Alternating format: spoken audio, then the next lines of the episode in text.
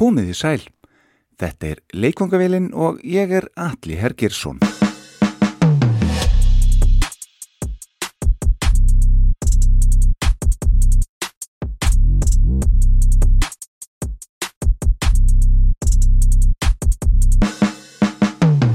Coverlög, tökulög, lög eftir aðra. Ábreyður skulum við kalla það. Sögnin að breyða yfir eitthvað sem til er fyrir.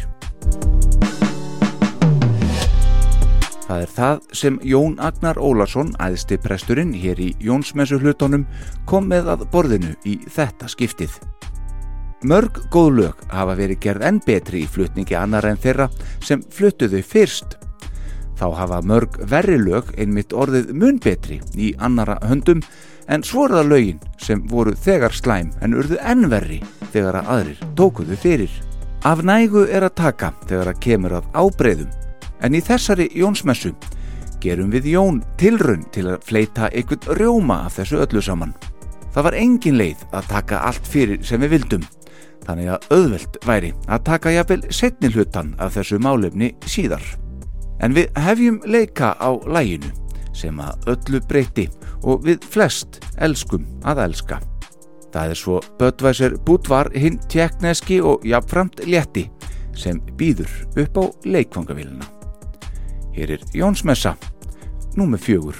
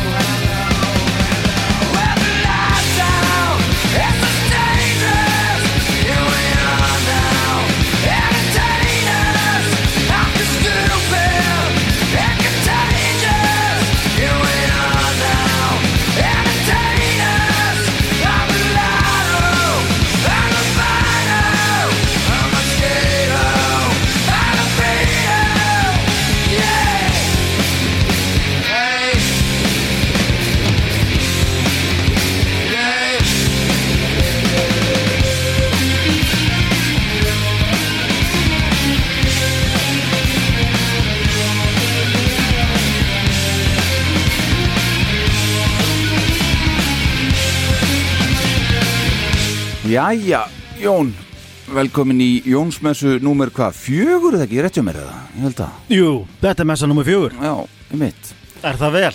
Heldur betur, við hefum ekki eh, góðar viðtökur og eh, ég kann miklar þakkir við öllu skilabúð sem að ég hef fengið Já, það er gaman að þessu. Ég veit að við skemmtum okkur og ef að fleiri hafa gaman af þá er það bara mjög, mjög ánægilegu bónus. þannig að væri alveg nóg að væri bara svona 10-20 að hlusta sko fyrir mig Þá er maður bara mjög góður. það er bara það gaman sko. Þetta er bara það gaman.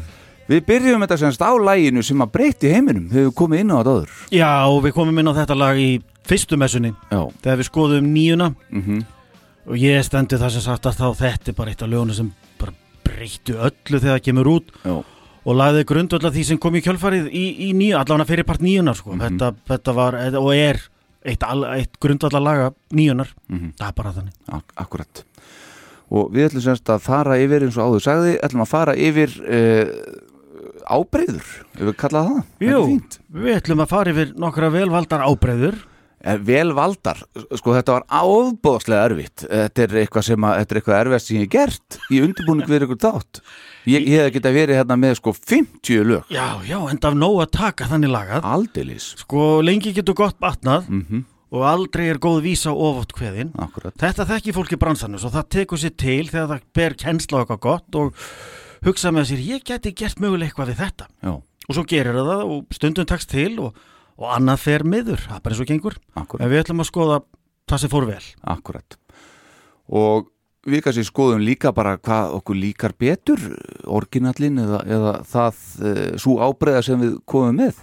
Já, það er allur gangur þínar allur gangur. Stundum stundum tekst að bæta ykkur markverðu við orginalinn mm og stundum, ég laumaði nú með nokkur um ábreyðum sem ég er ekki endalega vissum að fólk viti yfir litt að séu til. Nei, þú ert allan með eina sem að ég bara vissi ekki að væri ábreyða Nei, þá er, þá er til eitthvað sunnið, sko. Akkurat, Það er bara þannig. Nákvæmlega og bara svona til að klára uh, mjúkamannin Já. í okkur Já. þá skulum við fara yfir í uh, þetta samalag og við hófum þáttinn á Mm en uh, ábreyðu það var sem sagt uh, söngunan Tóri Amos sem að, eh, Amos Já. sem að, vantalega, Mhm. sem að gaf út lagið Smells Like Teen Spirit uh, sem uh, bjelliðina af smáskifunni fyrir Crucify árið 1992 ári eftir að lagið kemur út með Nirvana og Crucify er af hennar fyrstu plötu og upptökustjórin þar og sem stýrði upptökurum á þessu lagi hér var Ian Stanley fyrir hljómbósleikari ennsku sveitarinnar Tears for Fears já, já, já. Pat, takk fyrir þetta, vissi þetta ekki. vissur þetta ekki? Men Ian Stanley var sem sagt, sko, for Fears voru alltaf Kurt Smith og Roland Ortabal Mm og Ian Stanley og Manny Elias, trómuleikari. Þetta voru hini tveir svona, þetta voru hjálpadekkin tvö. Fóru þeir ekki nokkuð snemma bara úr bandinu þannig eða hvað? Sko, þeir eru með þeim ef, ef eitthvað stilti byssu upp í höfuð á mér, sko, ég gæti fullirt að þeir voru með þeim náttúrulega á á hann Songs for the, from the Big Chair 85, Ok, heldur hafi verið með þeim líka á The Hurting. Ok, en það er mikið fyrir utan skal ég ekki fara með. Nei, en þetta voru svona, já, þetta voru stóru hjálpættekkin tvö með þeim tvemenningu sem svona de facto skipa duettin akkurat. Heyrum þetta með henni Tóri up on guns, bring your friends. It's fun to lose and to pretend she's overboard and self-assured.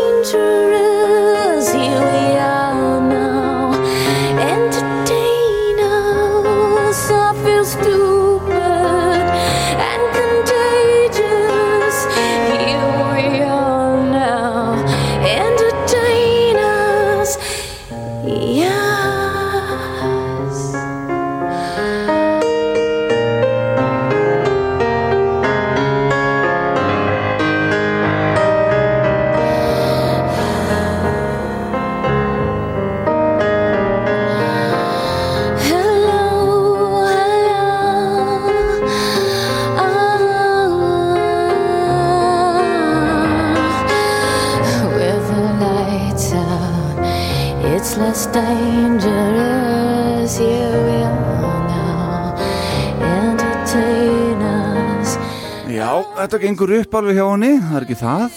Já, þetta er silkimjúkt og hunangsljúft Já, en ég verða að segja fyrir mína parta sko, ég fæ náttúrulega ekki út úr þessu eðlimál samkvæm Mhm. þessar breytingar í starfsemi skjaldkirtilsin sem verða þegar Kurt Cobain orgar It's less dangerous og hann komin upp alveg að þolmörkum. Mhm, sko það, að- bara eitt af því sem gerir það lag svo ofbóðslega ofbóðslega flott. Mhm. Það er bara hvernig það þegar Kurt Cobain sleppi sér í viðlæginu þá langaði bara að taka eitthvað að brjóta eitthvað. Akkurat. af því hann er bara réttlæta það þetta er bara stemmingin. Þetta lag á ekki vera svona ljúft. Nei það má alveg færa rauk fyrir því en ég tek ekki þetta af Tori Amos. Mér finnst það frábær söngkona Mhm. og það er margt opáslega fallegt við þetta lag. Ef þetta hefur verið bara frumsami sólólag á plötunni Little Earthquakes eða eitthvað svoleiðis Mhm. þá hefði maður hugsað með sér vá, þetta er nú fallegt hjá henni sko. Mhm.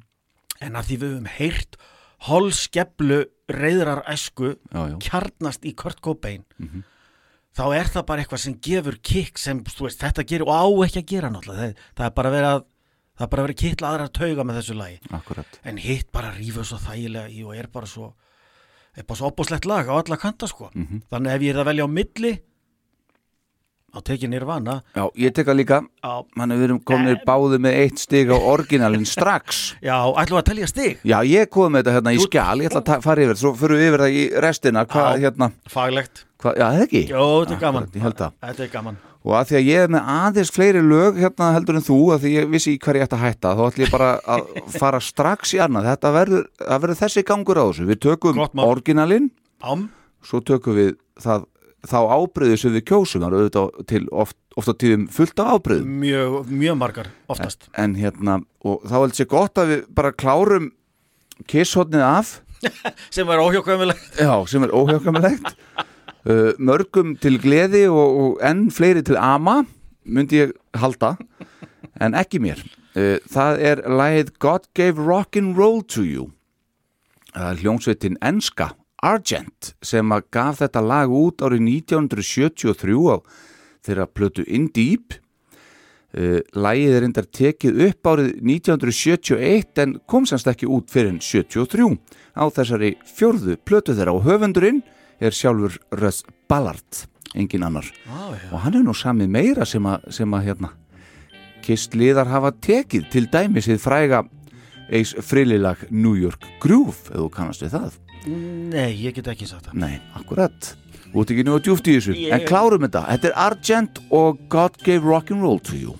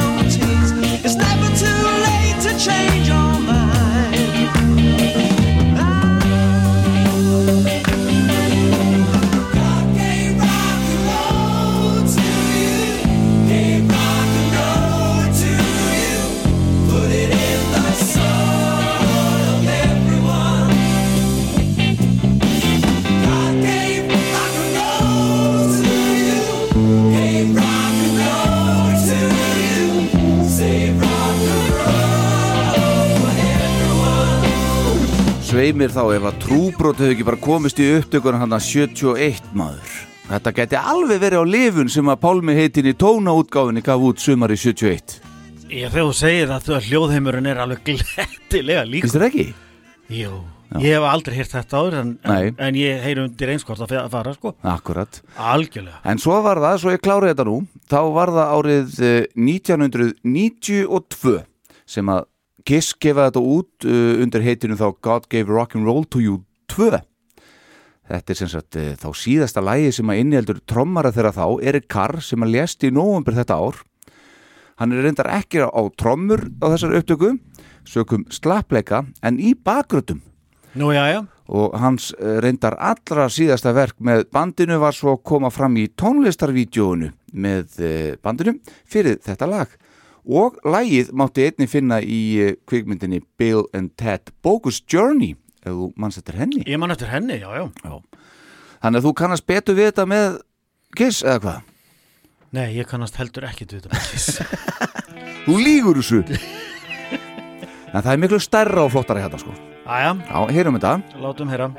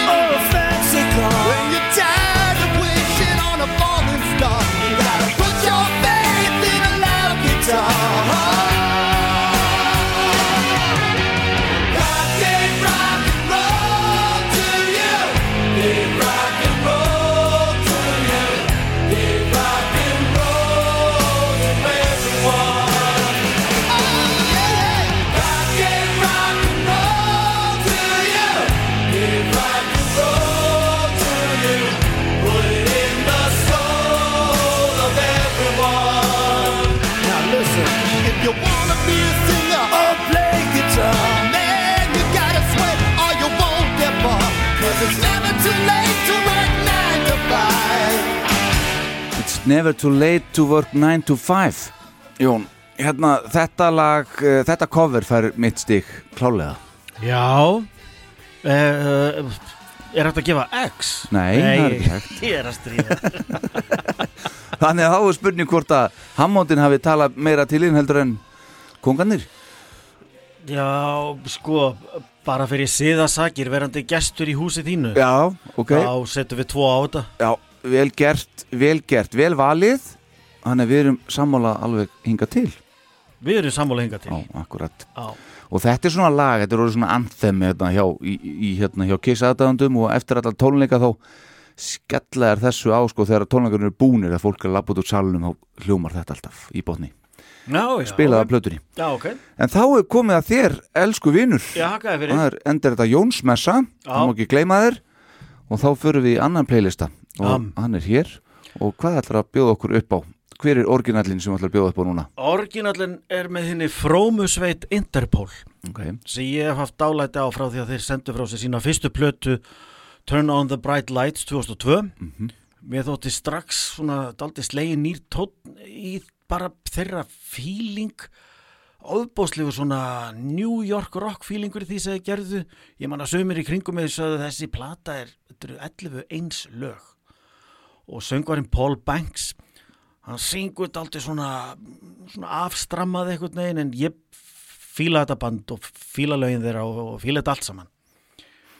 Uh, það kom út þrjár smáskifur af þessari plötu Turn on the Bright Lights Obstacle One NYC og svo lag sem heitir PDA og PDA er eina lagi sem sko, eina smáskífan af þessum þremur sem kemst ekki á lista. Og það þykir nú alltaf daldi svona þú veist að brenna víti fyrir lag ef að það fæst gefið út á singul en skila sér ekki bara á lista punktur ekki einu svona þú veist á ég veit ekki topp 250 á billboard eða hvernig sem það því er öllu háttað. En það er samt hellingu til í þessu lagi sko. Ég, og, og þetta er eitthvað sem ég las mér til um miklu setna á sínu tíma þótt mér, þótt mér þetta skemmtilegustu lögum á plötunni og af, af nóg að taka. Og fleiri hafa greinlega komið auga á eitthvað við þetta lag. Mm því það er einsmannsband uh, held ég á San Francisco svæðinu í Kaliforníu. Sem við komum að eftir. Já, lægið hins vegar er bísna flott finnst mér. Mhm. og svona þetta er mjög dæmigjart lag fyrir Interpol að þeirra fyrstu plötu. Ok, svona mm, ekkert íkja flókin músík en þeir skila þessu vel af sér þetta er ekkert ha- þungarokk en þetta er svona þetta er svona þétt og daldi óháð allt saman og á þeirra forsendum og, og þar fram eftir göttunum og það sem ég hef oft verið svag fyrir söngurum með sérstakann stíl og, og því um líf þá náttúrulega hitti Paul Banks alveg í hjarta á mig sko. ok Yours is the only version of my desertion that I could ever subscribe to. That is all that I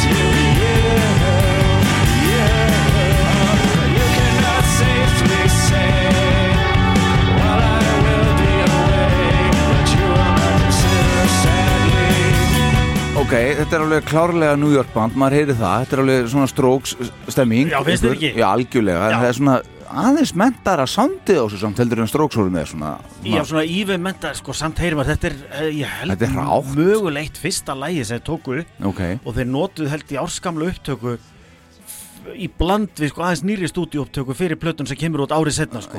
Og það heyrist alveg sko að það er hægt að stilla suma hluti þarna betur af. Mhm. það er hægt að lifta söngnum aðeins betur yfir allt hitt. Já, bara svona greinast betur á milli. Já, það er alveg hægt sko, ég er engin stúdíuhaukur en meiri sé að ég sko átta mig á því.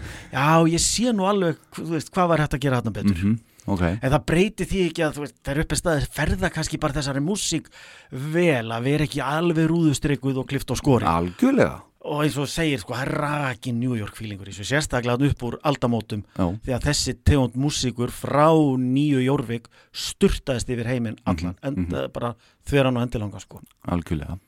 Og svo ertu með eitthvað cover? Svo er ég með coverið, ok, það er einsmannsband frá, frá Kaliforníu. Mhm, sem heitir Day Wave skipuð ykkur um gutta sem heitir Jackson Phillips. Ég kann nú ekki neitt frekari deili á honum þannig lagað en ég kannast aðeins við söngkonu sem hann sjanghæjaði með sér í flutning á þessu tiltakna lagi. Ok, hún er, frá Ástralíu og heitir Hazel English. Og ég man bara því ég heyrði þess að ábreiði fyrst að hugsaði með mér hér er nú bara býstna vel kveðið og þetta lag þetta er aldrei djart að taka það og snúa það upp í duett Mhm. þú veist þess að syngja bæði og próduksjónin er svona aðeins poppaðri án þess að komið þó að sög góðu gítari og svo allt en hún er tærari og og hún er svona aðeins gagsæri skulum við er, uh, já, allir, allir það sé ekki ágætis lýsingar orð, Ok. hún er aðeins gagsæri hún er ekki alveg svona uh, gruggug og þetta er á okkar fórsendum eins og, og hinn útgáfanir en hver er Hazel English? Það er bara sönguna sem er enn að, held ég að ströggla við að meika sko, mm unga árum og ég hlusta bara, þú veist, með öðru eiranu í vinnunni á, hafi ekki gefið út allan að tvær stóra plötur. Syngu vel og fullt að grípandi við pínu gáðvanalegu poppi. Vel þess verið að tekka á ok, fyrir fólk sem langar að róta í ykkur sem ekki heyrist á öldum ljósákan, sko. Einmitt. Þá er þessi þáttur ágætur Hanna sérðu? Já, heyrum þá PGA með þeim. Yours is the only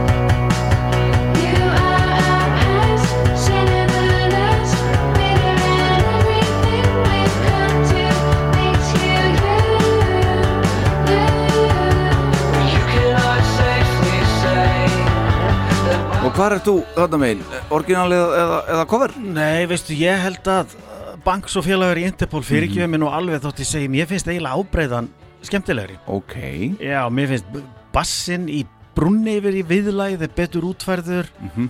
og já, þetta bara einhvern veginn uh, kittlar einhverja taugar í mér aðeins betur þannig að mér finnst þetta það vel hefnu ábreyð að ég ætla að merkja þetta lag með tveimur. all right Yes. Mjög gott, þá eru já bara, ég ætla að segja nefnilega að orginalin sé betri það var eitthvað New York groove í honum sem að ég var að fíla þannig hérna, ég ætla að segja það Já, já. En vel gert, takk fyrir þetta.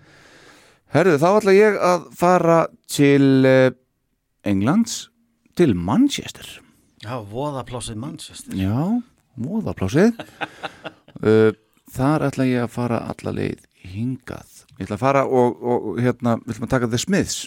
Þeir gáfu út uh, lagið Big Mouth Strikes Again árið, eða vorið 1986.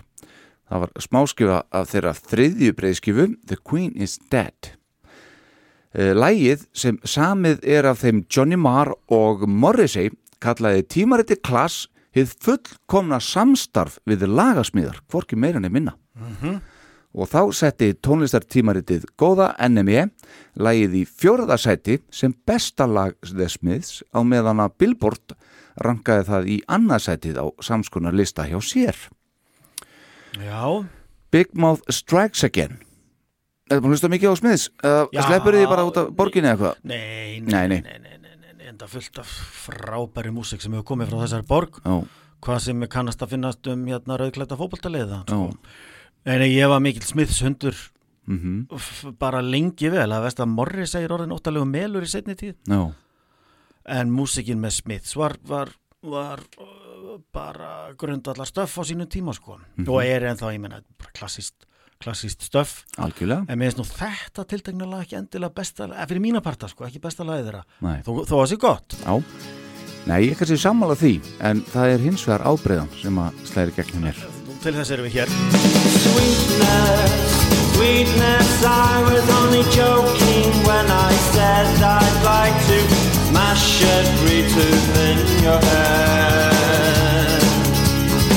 Oh, sweetness, sweetness, I was only joking when I said by rights you should be bludgeoned in your bed.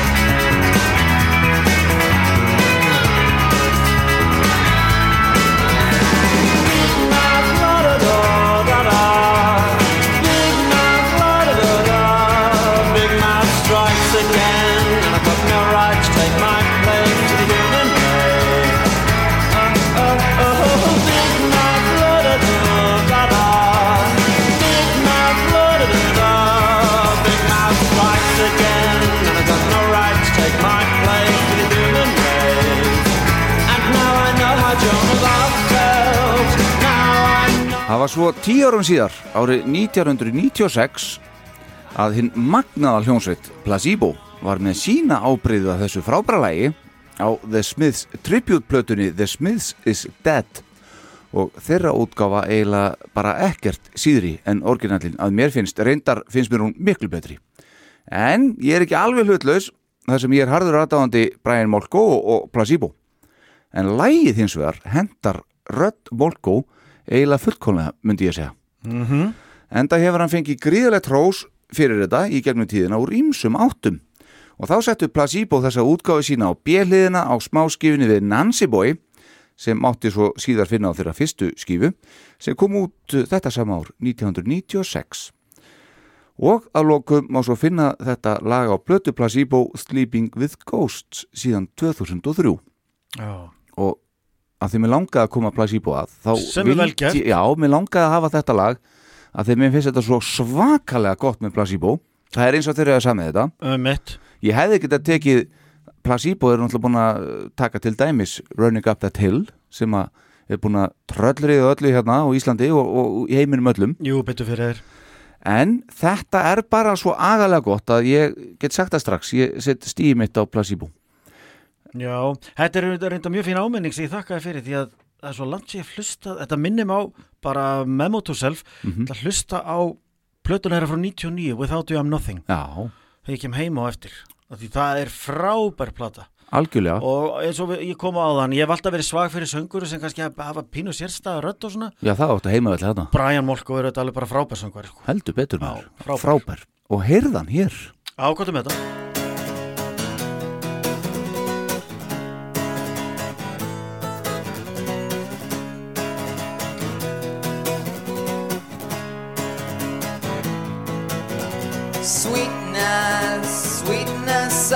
was only joking when I said I'd like to smash every tooth in your head. Oh, sweetness, sweetness, I was only joking when I said by rights you should be bludgeoned in your bed. And now I know how Joan of Arc felt. Now I know how Joan of Arc felt. As the flames rose to Roman nose and her disc man started to melt.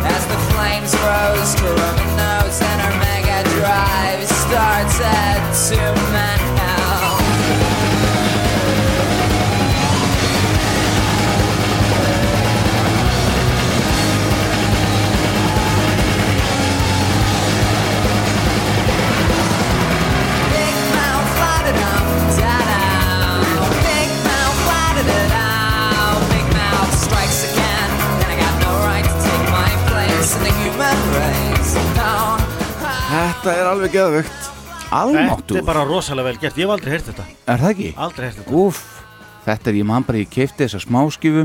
Ég reynda að keipti plötun og undan Svo sá ég þessa smáskifu engt síðan í ykkur veslun á Akureyri. En ekki hvar. Og ég keipti hana því ég sá að var eitthvað lag sem ég kannast ekki við. Ég var ekki smiðsmaður Þannig ég vissi ekki þá að þetta væri það. En hérna, svo fer þetta í bílinn hjá með maður Og þetta bara gerði út af mig. Já. Mér finnst það- Og bara síðan þá, frábært Og bara Þetta er tala til mig Þetta er bara frábæra ábreða. Alveg frábæra ábreða Og ég ætla að gefa placebo stíði mitt eins og ég sagði En Jón Agnar Jó, þetta er, þetta er þjættu tvistu hjá mig líka. Er það ekki bara? Jú, mér finnst Já. það. Þetta finnst er bara það. fjandi vel gert. Ok, það er uh, hérna svona. Og þá erum við að tala um það að já, coverið með fimm stygg Já, já, og orginal með, með þrjú. Já Mjög gott, jæja Jón, hvað ertu með næst fyrir okkur? Hvert ætlar að fara með okkur núna? Nú ætlum við að fara í áttuna. Já, er, er, er- það bara næsta hérna, þú tekur þetta röð bara hefur hérna eitthvað? Já, ég heldur takk þetta bara til röð. Það er að segja ábreðan er það en orginallin hann er frá 1970 mm af þriðju plötu David Bowie mm, The Man Who Sold the World. Ok. Þetta lag vakti nú framan ef ekkert sérstaka aðtegli og var ekki gert neitt sérstaklega hátt undir höfði. Uh, hvað, 73 þá færða reyndar að sigla með sem bjellið á smáskifinni fyrir Space Oddity. Það klassíska lag. En reyfi nú ekki mikið við fólki frekari fyrir daginn. Og það er ekki fyrir en söngkonan Lulu sem ég kannast nú þetta mest og best við fyrir að hafa sungið titilagið í bondmyndinni The Man with the Golden Gun hún tekur það upp á sína arma og þá gerist eitthvað. Mm og ég lægið það fór í þriðja, þriðja fjóruða sæti breska listans. Það sló það rækilega í gegn sko eftir að hafa ekki gert neina hluti í meðförum höfundaris Mhm. höfu snillingsins David Bowie. Einmitt. En uh, þetta er svona frá frá þarna, já, fyrstu árum Bowie það eru reyndar sko það er, það er tími hjá Bowie sem hefur aldrei talað neitt sérstaklega til mín. En ég meina ég held að Bowie menn, þeim finnst, finnst þetta bara tímalaus snild allt saman sko. Já, ég er meira venjulega að vinna með Berlínar árin þar sem hann er í slagt við Brian Eno. Ok. Og svo þetta hérna frábæru plötu Outside frá 95 það er algjörlega stórkostlega plata. Mhm. En uh, orginalli sem við erum að tala um hér er sum sé titila plötunar The Man Who Sold the World We passed up on the stair. We spoke of was and when, although I wasn't there. He said I was his friend, which came as some surprise. I spoke into his eyes. I thought you died alone.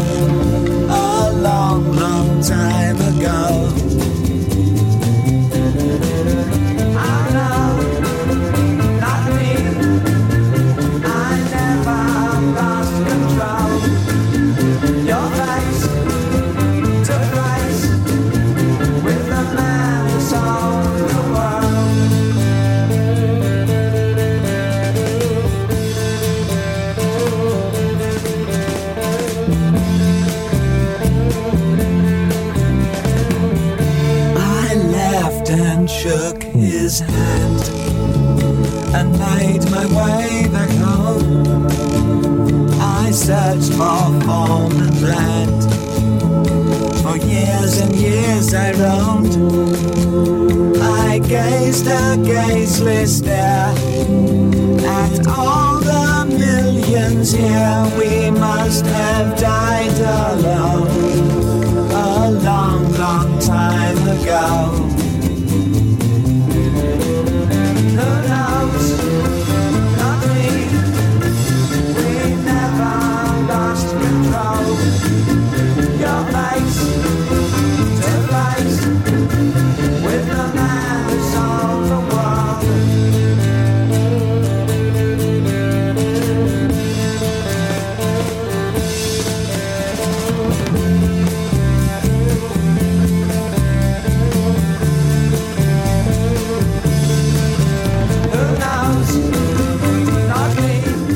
Hefði nú haldið að næsta hljónsveit væri Nirvana Já, það er náttúrulega hafa allir haldið það þegar ég byrjaði að, að tala þetta lagin. Já, En það er ekki svo, því eins og ég sagði, ég er að sækja í kjörlendur mínar sem eru áttan. já, En lagin með Nirvana eru þetta af hinnum frægu MTV Unplugged tónleikum frá 93, svo ekki gætt það nú verið. nei Svo útgáfi náttúrulega svipu þessari og, og við skulum bara byrja að afgreða það. Þetta lag með Bowie, mm. orginallir frá 70, Jú, eru þetta helvi, afsækja orðbræð, flott lag. já, Þetta er geggjað. nú bara býstna geggja lag. Já.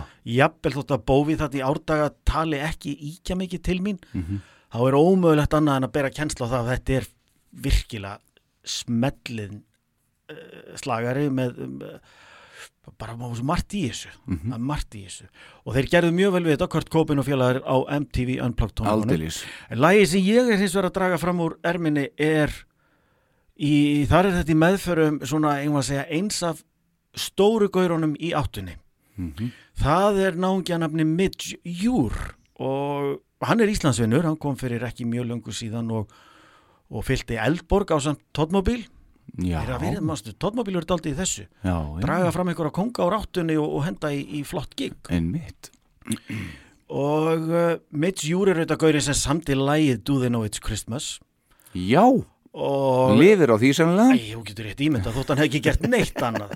En er fyrst og fremst þetta svona, hvað maður að segja, höfuð, paur og forsprakki þeirrar grundaðarsveitar Ultravox Já, úr áttunni.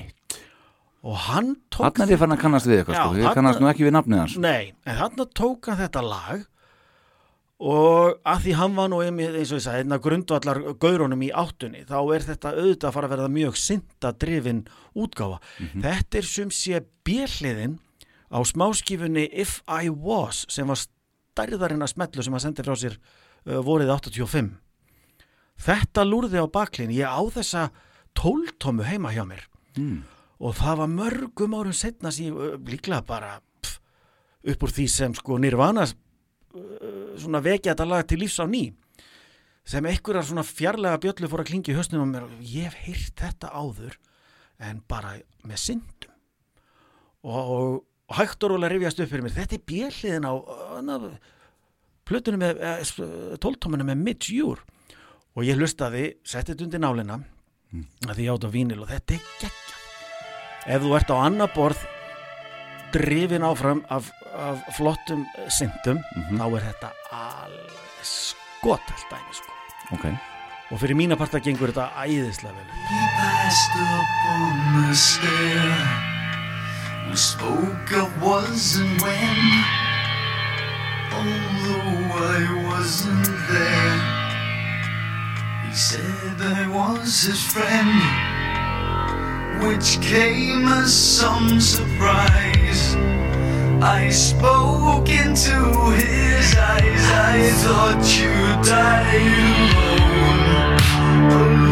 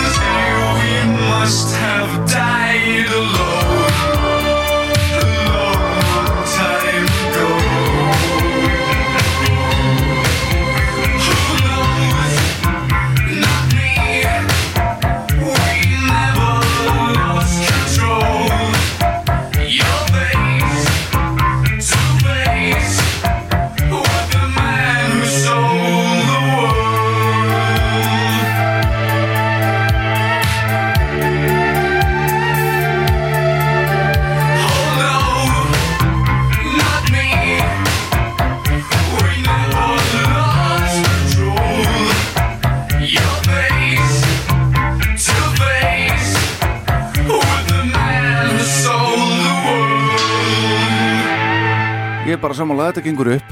Mér finnst það. Þetta, þetta bara kittlar allar réttu synda töðarnar hjá mér sko. Já, þú ert með þær? Já, já, já, þetta, þetta algjörlega, algjörlega, það er ekki hægt að orða það neitt öðruvísi. Nei. Ég ætla samt að fara í bói Já, já, ég sá það nú einhvern veginn fyrir. Vandar synda töðan hjá mér. Já, uh, færi misti, en ég tek það fram að minnst það gott, ég var að fýla þetta. Já. Bara að þið út að miða þetta við frum útgáfuna mm ég myndi já, nei, ég veit það ekki. Ég, ef, ef þetta væri nirvana ég er að spá í hvoru megin ég væri sko. Já, já, það er vafamál. Akkurat. En þú ert þá væntalega í syndónum eða Ég hvað er alveg rakind fyrstur þarna sko. Já, ok. Fóst á tólingar með honum þegar hann kom hérna í Eldborg? Nei, ég gerði það nú ekki. Nei. Klaufalegt? Nei, það var nú eiginlega meðvituð ákvörðunum að sko stundum þegar að góði manns eru svona fann að reskjast að þá er betra bara að hafa þau í minninu eins og þau voru upp á sitt besta sko. Látt ekki svona Nei, því þið lítið að segja þér það ah. Ertu á leiðin á fjórða blesstúrin með kiss í sumar Já, sko, annan blestúrin en sjöttu í heildina sko. Já, þarna Já. Herðu, þá skulum við halda fram og ég ætla svona að halda mig, eh, þetta syndadæmi hefur var 85, Eh, Mikið rétt ekki rétt þá ætla ég að vera svona svipuðum slóðum og það er að segja í coverinu.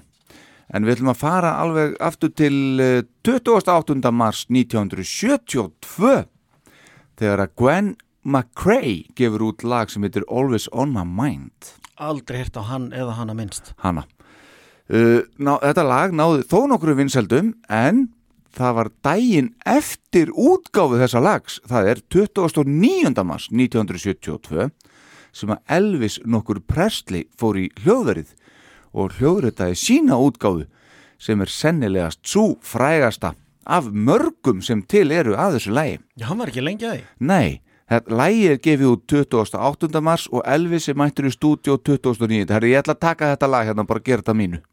Og það var náttúrulega erfitt að neyta konginum á þeim tíma Já, heldur betur. Og hann gerði það og við veitum öll söguna af Always On My Mind með Elvis.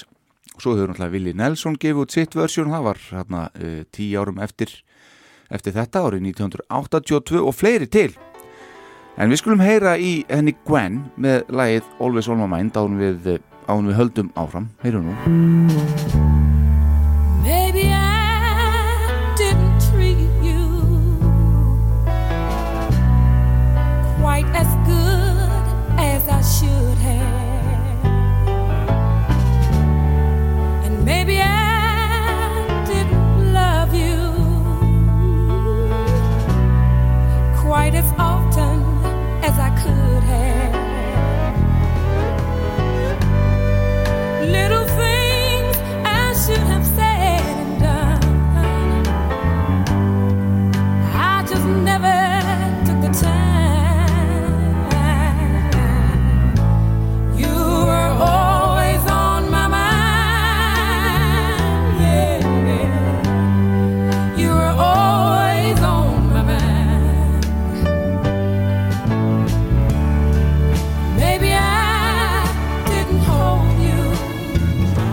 Þurfum ekkert að hafa fleiri orðum það svo sem held ég.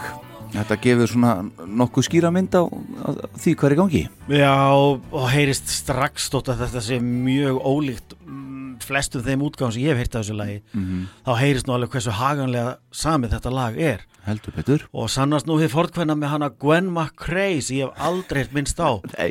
eins og segir nú í, í ljóði sveitunga því Stafi Stefánssonar fáir njóta eldana sem fyrstir kveikja þá Hanna, vel kveðið Jón. Nei, Davíð. Herðu, ok, uh, þá skulum við fara yfir í það sem að uh, svona vekur áhuga minn sérstaklega. Við þurfum ekkert að spá í Elvis. Hann gerði þetta stórkoslega þannig að daginn eftir útgáfu. En ábreiðan sem ég ætla að taka hins vegar fyrir er frá 1987. og er frábær algjörlega. Þetta er svona eitt af því sem að maður gleymir því algjörlega þó maður oft heyrt þetta áður að þetta sé ábreyða. Já, þetta er það vel gert Þetta er ofbóslega vel gert. Þetta er enski rafdúetinn Pet Shop Boys. Þeir tókuð sitt versjón að þessu lagi í sjónvarpsal þegar að sjónvarstöðun ITV framleiti þáttinn Love Me Tender sem var síndur til minningar um Elvis Presley þegar að tíu ár voru liðin frá því hann lést, þarna 77. Uh, ábreiðan þeirra mældist svo vel fyrir að Pet Shop Boys fóru í hljóðverið og tóku það upp og gáfi það loks út á smáskifu sem var svo söluhæsta í Bretlandi þetta ár 1987. Já, kemur ekki óvart sko. Ég man mæta vel eftir þegar þetta lag kemur út. Er það ekki? og ég er 14 ára gutti. Já, Mér fannst þetta samstundis líklega besta lag bara persónlega sem ég hefði heyrt með Pet Shop Boys. Mér fannst það æðislegt. Og bæði er Neil Tennant bara mjög flinku söngvar í því sem hann gerir. Alveg strömlínu lagaður og pottjættur og Chris Lowe er býstna flinkur á syndana líka e, býttu nú, segðu, nú að sé ekki syndatögi þér ég segi, segðu það með maður, vá, heldur betur maður. þetta, það, sko, þarna, það sem gerir þessa útgáfu Mhm. eru þetta drinjandi syndabassin sem er undir öllu saman allan Nákvæmlega, tíman Algjörlega. hann er svo gefandi Mhm. og svo góður og út, svo, útsetningi þeirra gengur svo fullkomlega það var ekki fyrir löngu setna sem ég hafði hugmyndum að Elvis og, og Willi gamli Mhm. Hefðu átt þetta áður sko Einmitt. og ég hafði ekki eins og heyrt minnst á Gwen McCrae Sem er orginallin, það er orginalli svo Já. við hérna liftum hatti fyrir henni er það ekki? Jú, Þetta náði sko fjórðasætinu á Billboard-listunum í bandaríkjunum að auki við að vera það vinsælasta í Breitlandi þetta ára, 87 og er þetta reyndar síðasta lægið sem að Pet Shop Boys náði á topp 10 á þeim ágæta lista. já, seg, seg Akkurat. Þarna sérðu sko að meiri segja kanin aftur í áttunni, Mhm. hann fær ekki staðist svona, Akkurat, þetta er það vel gert. þetta er það vel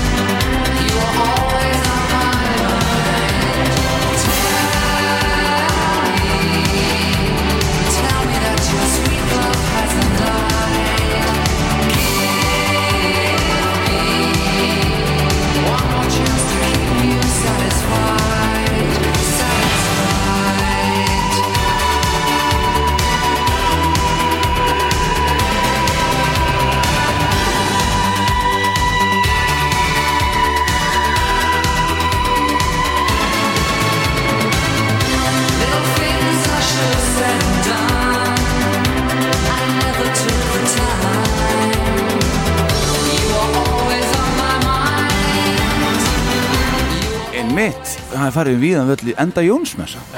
Þá gerum við það. En það sem ég vil meina um þetta lag hér, það þetta er svo Tóri Eimosson í byrjun. Þú heyrir alveg sko, ok, þetta, okay, þetta er hægt, þetta á að vera hratt, ok, þetta sleppur alltaf. Þetta gleymur því. Þetta bara, á þetta bara að vera og svona þetta er svo vel hefna lag að þú, það bara vill svo til að þetta er syndadrifið lag sko. Já, einmitt. Þannig að meiri að segja að svona rockhundar eins og þú, Mm þeir spá bara ekki í það, það rekist þeirra ekki. Það eina sem þú heyrir eitthvað, þetta er ríkalega vel gert. Akkurat. Þetta er, ef eitthvað segir við mig, þetta er bara besta hlutvarslega með við orginalinn, þetta er besta cover allra tíma. Ég er svona, ég, þú veist, ég myndi ekki Ekki treysta, sláða frá þér. ég myndi ekki treysta mig til þess að sko segja já samstundis, Nei. ég segja enga ástæðu til að rengja það á svo skil Því þetta er algjörlega frábærlega vel hefnað. Ég hafði aldrei síðan, heyrði þetta síðast, þetta er frábært. Þarna var ég átt ára og ég, ég var bróður sem er áreldur þú, hann hefur verið 15 ára hann, hann hlustaði mikið á Pet Shop Boys og, Ok. og hérna, ég minn svo þetta It's a Sin og þetta skilur þetta, þetta er top band Já, þeir eru að fullt að smellum. En ég held að enn þann dag í dag þykir mér þetta flottasta lagið þeirra Já, ég ætla að setja coverið á þetta Já, já, Tvö. þetta er klárt cover og ég vil, ég, ég vil róður og heiður Gwen McCrae sem mesta hérna í frá Mhm. fyrir að hafa svona lagt dröga þessu í upphafi sko. Já, já, en hennar útgáfa er náttúrulega svona eins og krútlegu demo Já. en þannig er þetta orðið að já, þú heyri líka bara allt sem Pet Shop Boys gerðu svo vel einmitt alveg eins og Ultravox sem komum inn á þann Mhm. þeir tóku syndana en þeir gáðu þeim stundum vikt með því að setja flottan Steinway flíil inn í það sko. Mhm. Pet Shop Boys kunnu að flétta strengi. Akkurat. Alveg svona hálfa orkestur bara Svo er eitthvað sem að virkaði bara svo gítarsólu þannig á hann, en nú ekki gítar held ég reyndar en, en svona, þetta var eitthvað gefur þessu ákveði kikk Já, þetta bara, þetta bara gengur upp. Það þýðir eiginlega ekkert að útskýra frekar. Þetta er frábærlega vel hefnað basta. Akkurat, basta. Jæja, hvað ertu með næst? bestu hljómsitt í heimi. Já, ég ætla að gíska á að þú sért að tala um þessa hér. Ég er að tala um uh, hljómsett, þarna voru þeir fjórmenningar. Mm þeir eru setna árið 97 þremenningar. Nú eru þeir tvímenningar. Já, já, það gengur á góðinn sko. Ok.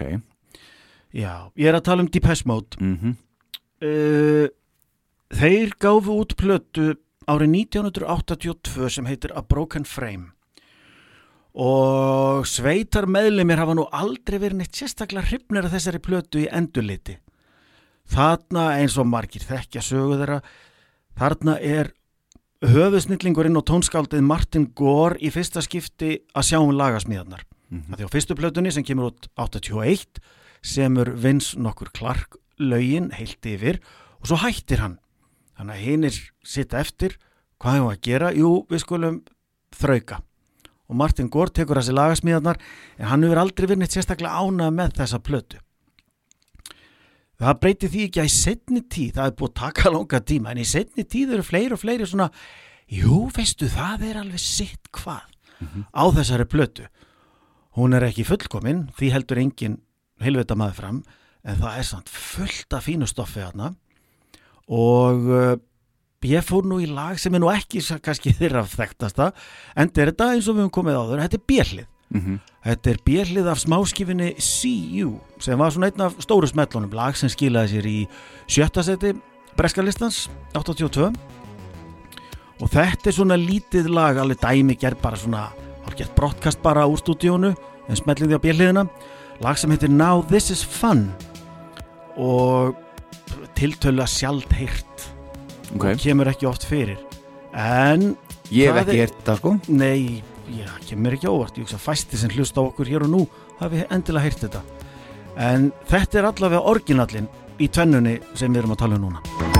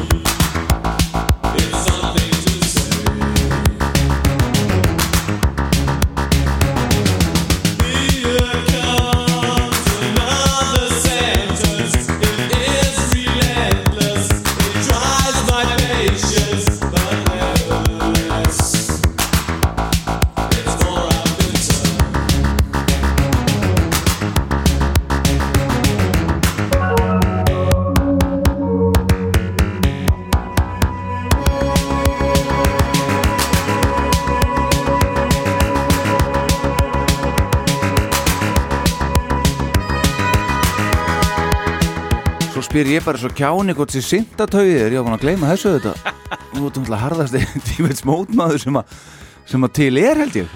Ég reyndar að veit um eitt fyrir norðan líka sem er ansi harður. Já, ég þarf að hitta hann við tækifæri Já, heldur betur. Já, sko, nú skulum við bara fá þá hreint í upphafið þessarar umræðu að þetta er ekki þeirra besta lag. Nei, nei, Þarna er band í algjörum umskipti fasa eftir að aðalsbrautan, drifkrafturinn og aðallagahöfundurinn er horfin á braut.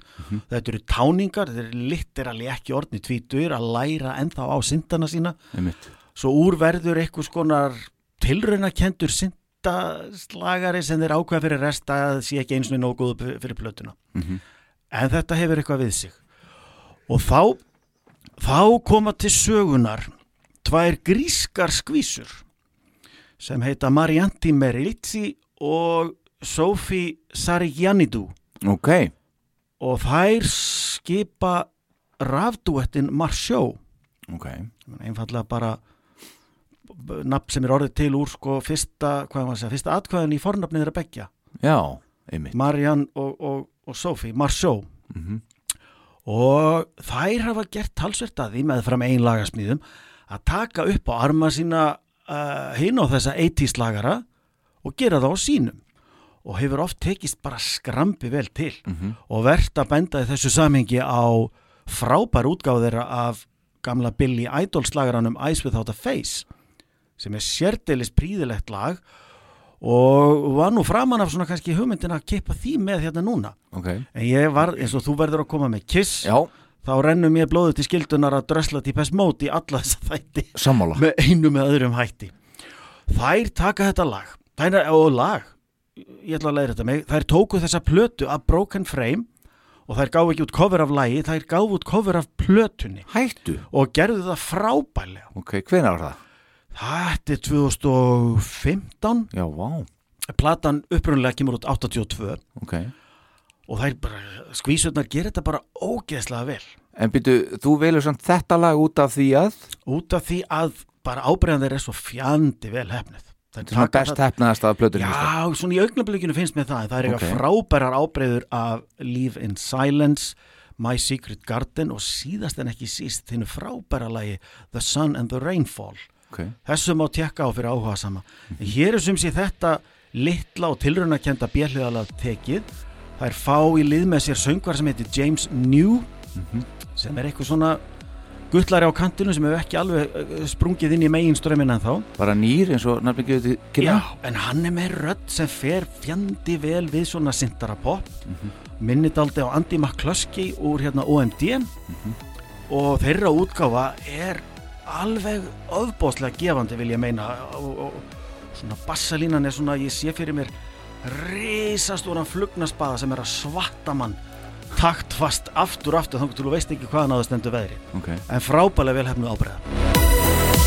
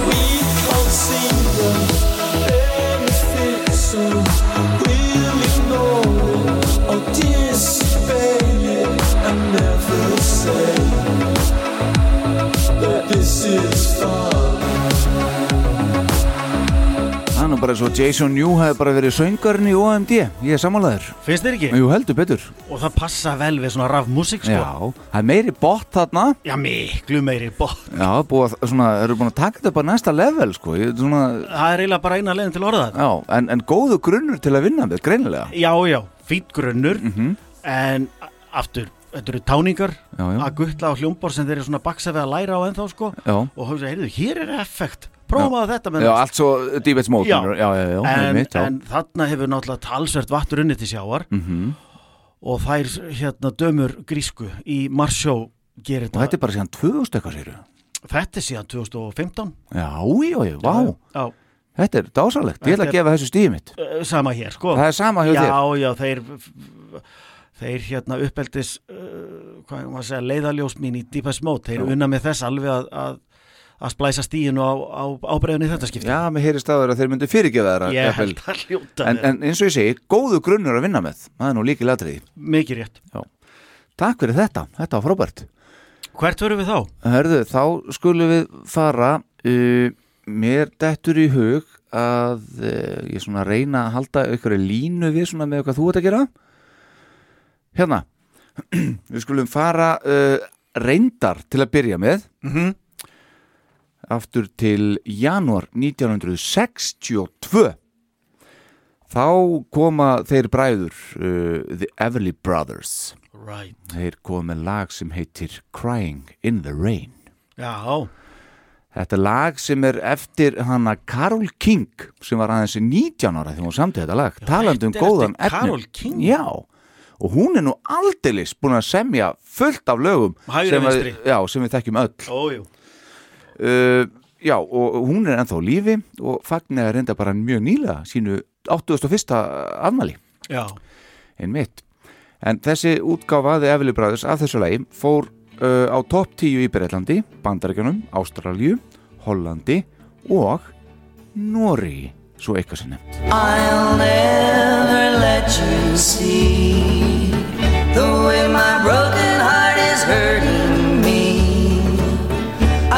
my pride and I know how to hide all my sorrow and pain. I'll do my crying in the rain. If I wait for cloudy skies, you won't know the rain from the tears in my eyes.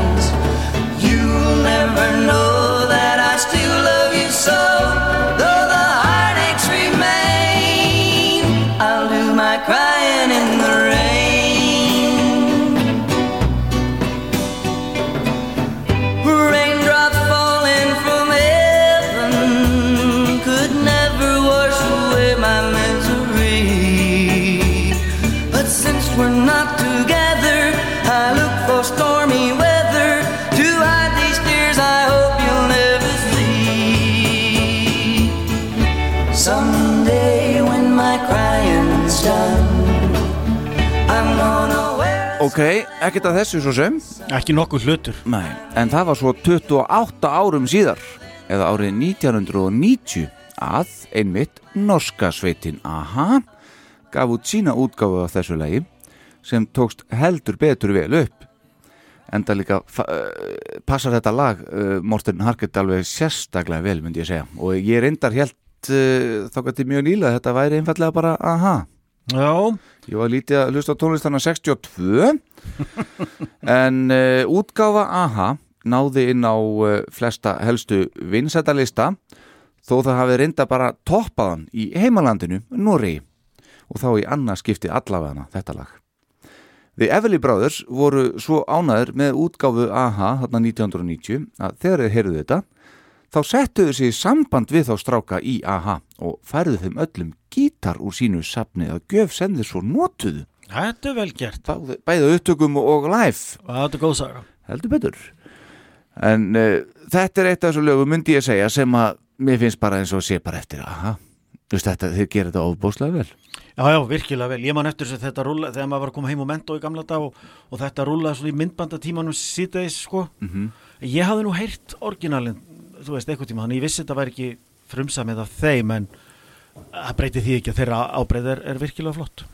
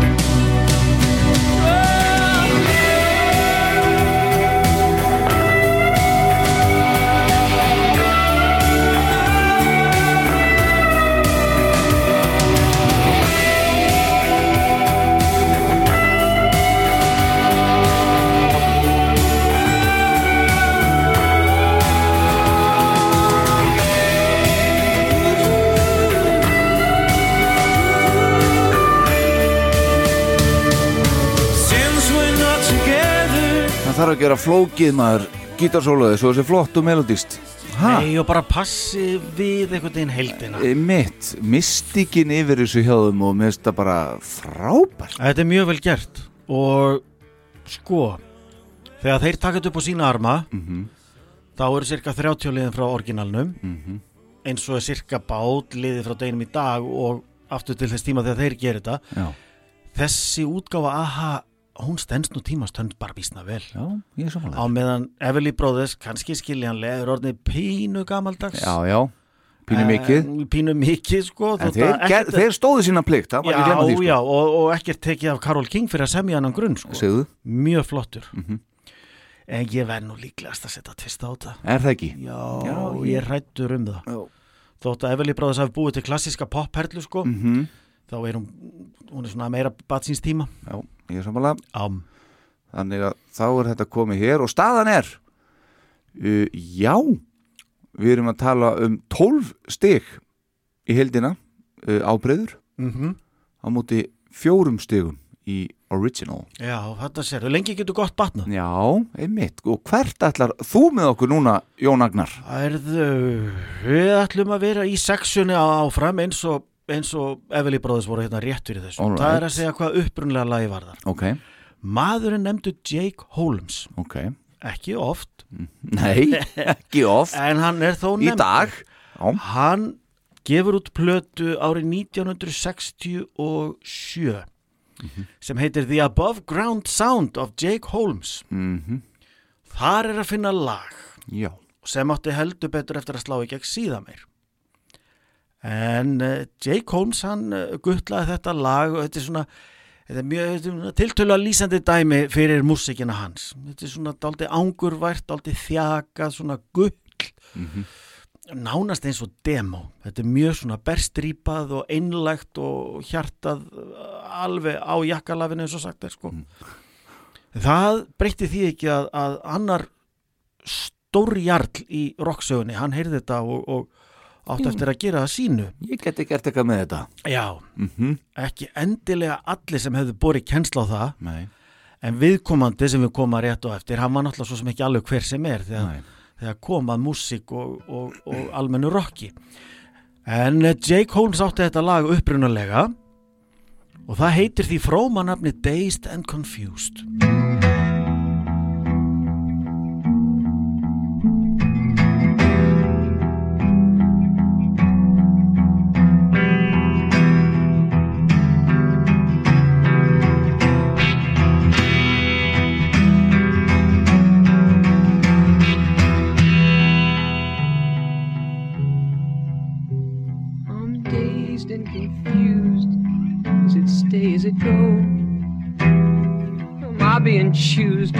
I'd just like to know.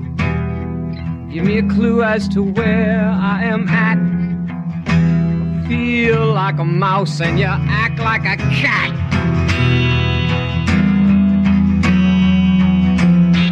I'm dazed and confused, hanging on by a thread. I'm being abused, I'd be better off dead. I can't stand this tease and I'm starting to crack. You're out to get me, you're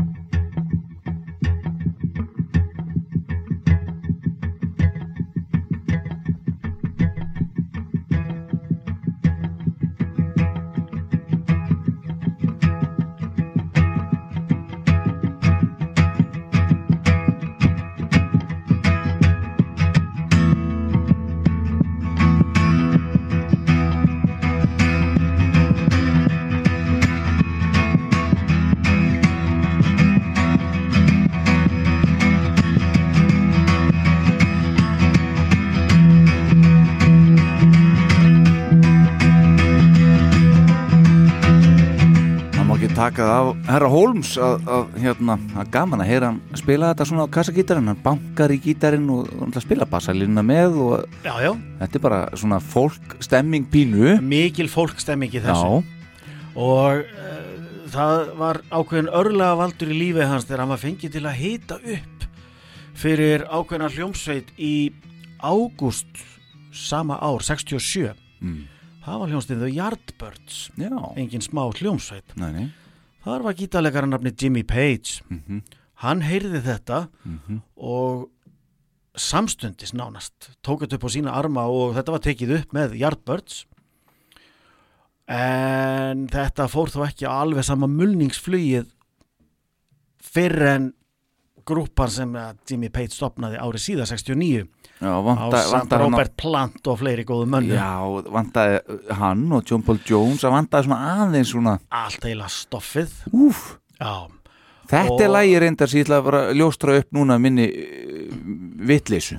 Að ég vissi ekki að þetta væri tökulag. Ég bara viðkjörnum það, bara alveg fúslega. Já, já. Og sko, jafnvel þóttu hefðir einhver tíman slísast til að heyra þetta í einhverjum mjög djúpum nördaþætti á, á rást 2 rás 1 mm þá er ekki endilega víst nema ef þú hefðir heyrt titiln á lænu að þú hefðir tengt á milli sko. Mhm. þetta er það frábröðið psychedeli blues rock skrýmslinu sem þeir sleftu lausu Vá, á sinni fyrstu plötu Led Zeppelin. Séðu og hugsaði þetta er laga fyrstu plötu þeirra Hann er Og- nú eitthvað, talið eitthvað að auðra hann Jake Holmes. Já, þú hefðir haldið það. Ég held það. En ó nei, Nei, nei því að Uh, hann, veginn, hún, hann var held ég frekar lítill lýsi framan á og fannst bara mjög smart að Jimmy Page hefði tekið þetta upp á sína arma.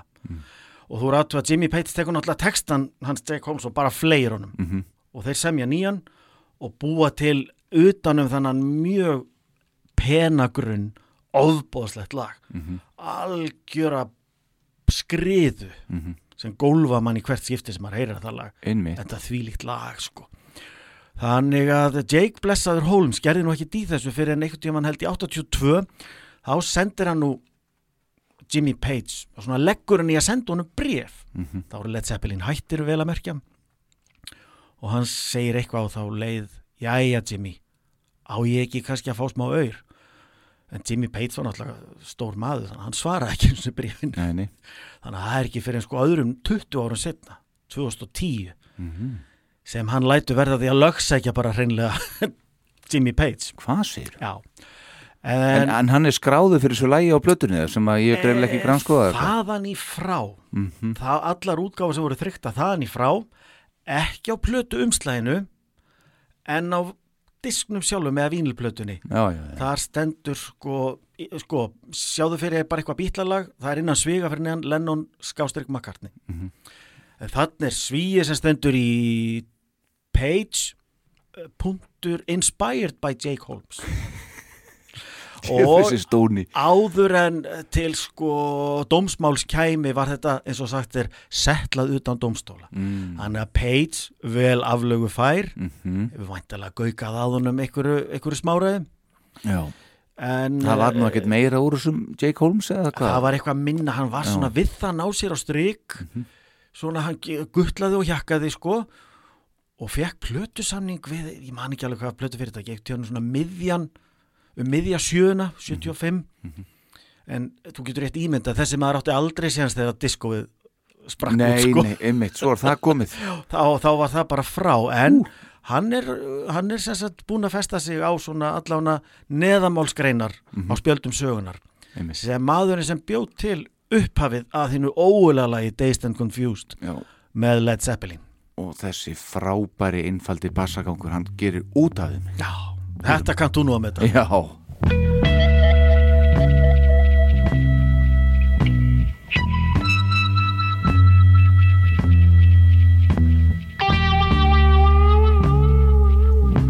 Been dazed and confused for so long, it's not true.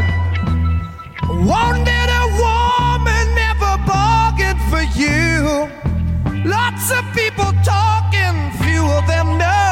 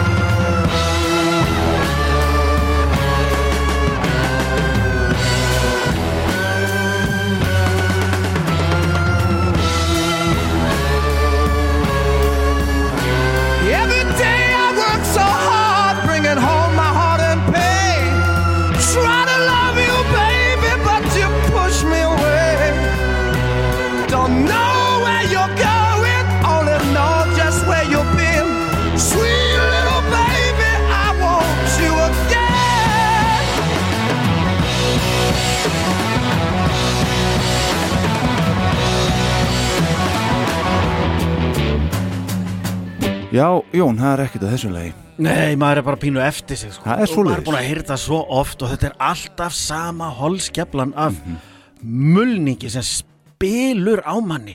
Og sko, við skulum ekki taka neitt af Jake Holmes sem bjóð til hennan neista sem varða þessu Kall ángin þessu ógnar báli sko. En hann er röddina sko, hann er engin Robert Plant. Nei, nei. ok, engin er Robert Plant. Nei, nei. en hann er heldur engin Jimmy Page Nei, nei. sem bjóð til 6 og hálfran mínútu monster. Mhm. þetta er svakalegt lag. Alveg. Og eins og vorum að tala um en þetta gekk að hérna, það er alveg sama hvað eh, svona topp 5 lista af Led Zeppelin lögum þú býr til þetta lag er alltaf að fara að enda það það er rosa erfitt að hafa Það þetta ekki á það þeim getur verið sko cover. Já,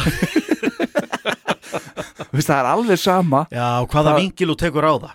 Já, en þetta er alveg brjálæslega flott lag sko. Þannig velgert, hérna vonandi fekk Jake Holmes eitthvað fyrir sinn snú þarna það hlýtur að fengi eitthvað þegar þeir settlu þetta Já, en þetta er um það byrja eins, klár tvistur og Einmitt. í bókaldin okkar sko takk fyrir þetta og Mínar takk fyrir ánægðar. að, kynna það fyrir mér að, að hérna að þetta sé ekki Zeppelin lag kannski ljúft og skilt Já, lúka ég svona- bara agalega vittlust að ekki vita það en má- málið er það að ég kann verulega meta Led Zeppelin Já, hver kann það ekki? Og, og svona mest af þeirra stöffi er eitthvað sem að ég bara fæ gæsa hú því ég heyri og ég seti þetta oft á. Er En ég hef aldrei kafað ofan í og eitthvað ráði. Ég svona veit hvað er heita og ég veit svona mm. söguna þeirra þannig.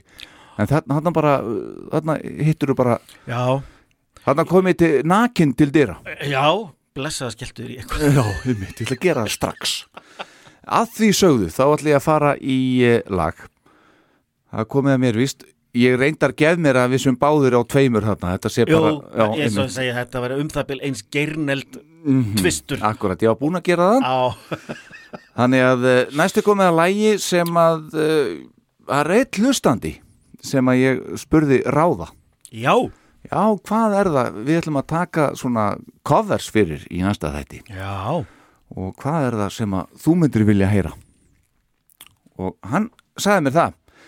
Og við ætlum að heyra lag með uh, hljómsveitinni Pink Floyd. Já, þetta er nú flott að skipa úr Zeppelin og yfir í Pink Floyd. Já, maður reyna að halda smá línu. Mhm. Það eru nokkuð lög sem ég á eftir sem ég veit ekki alveg hvernig ég á að halda í línu við erum að fara, þetta er Jónsmessa, við fyrir út um allt. Það er rétt segiru Astronomy Domain. Já, já, Já, þetta er lag 1 á fyrstu plötu Pink Floyd. Takk fyrir. Hvorki meira minna Þetta er samið af fyrrum forsöngvara þeirra og gítarleikara Þitt Barrett. Hann hætti þarna uh, árið síðar, 68 og David Gilmour, vinnur hans tók þá við. Já, gerði nú bara ágætt móti í framhaldinu. Já, hann skilaði sínu þokkalega. Aldrei að vel og sitt En gott og vel Hann gerði sitt besta. Já, það má eiga það. Já. Við skulum be- byrja á að heyra þetta hérna frá 67, laga 1 á plötu 1 með Pink Floyd.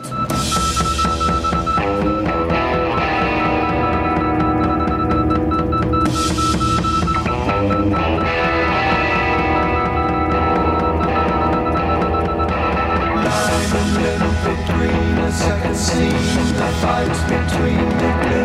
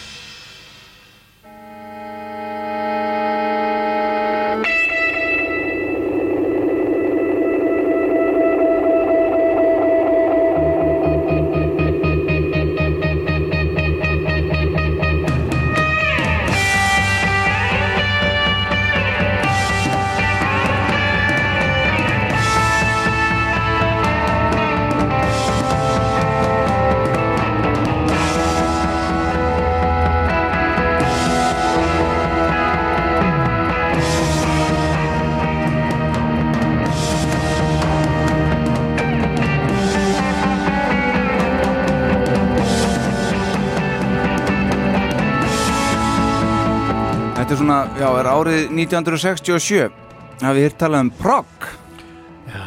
Nei ekki, ég ætla að búa það til ef við. Ha, Þetta er svo klístruð og góð sækadelja sko, já, og laga eitt á fyrstu plötunni. Já, Ha, þú setur plötun á, byrjar á hliða. A já, hafið þetta. Já, gjör svo vel, hlusta svo rest.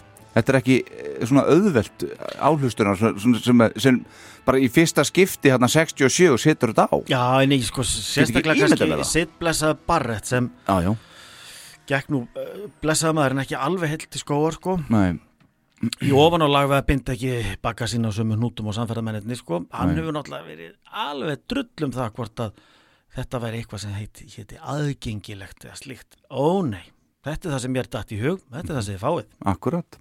Gjörðu svo vel. En, svo ætla ég að halda áfram. Og þá kemur rúsinan Voivod Það er kanadist metalband sem var stopnað árið 1982 í Quebec. Eh, Þeir gáðu þetta lag út á sinni fymtu breyðskifu, fymtu heyrðu. Nothing Face heitir hún og kom út árið 1989 Þeir gerðu þá tónlistarmyndband við þetta lag sem fekk mjög flotta spilun á MTV Ok. og kom þeim eiginlega á kortið Aldrei síðan ég heyrt Nei, það er spurning hvaða kort það var en enga síður. Setti þá upp á eitthvað stall sem voru ekki á áður. Þetta band er reyndar ennþá að og gaf síðast út plötu í fyrra, 2022. Já, þeir eru þá að Legg ekki meira á þig. ja. Og þess má geta að sjálfur Jason Newsted var svo bassaleikari í þessu bandi eh, frá 2001 til 2008 eftir hann yfirgaf vini sína í Metallica árið 2000. Ok. En síðasta gigið hans Jason með Metallica var á uh, VH1 veluna hátíðinni 30. november árið 2000 og hann var mættur hann árið síðar í Voivod. Sko til. Já, Og þá er bara spurninga um að heyra hvernig fóru þeir með lag 1 á plötu 1 með Pink Floyd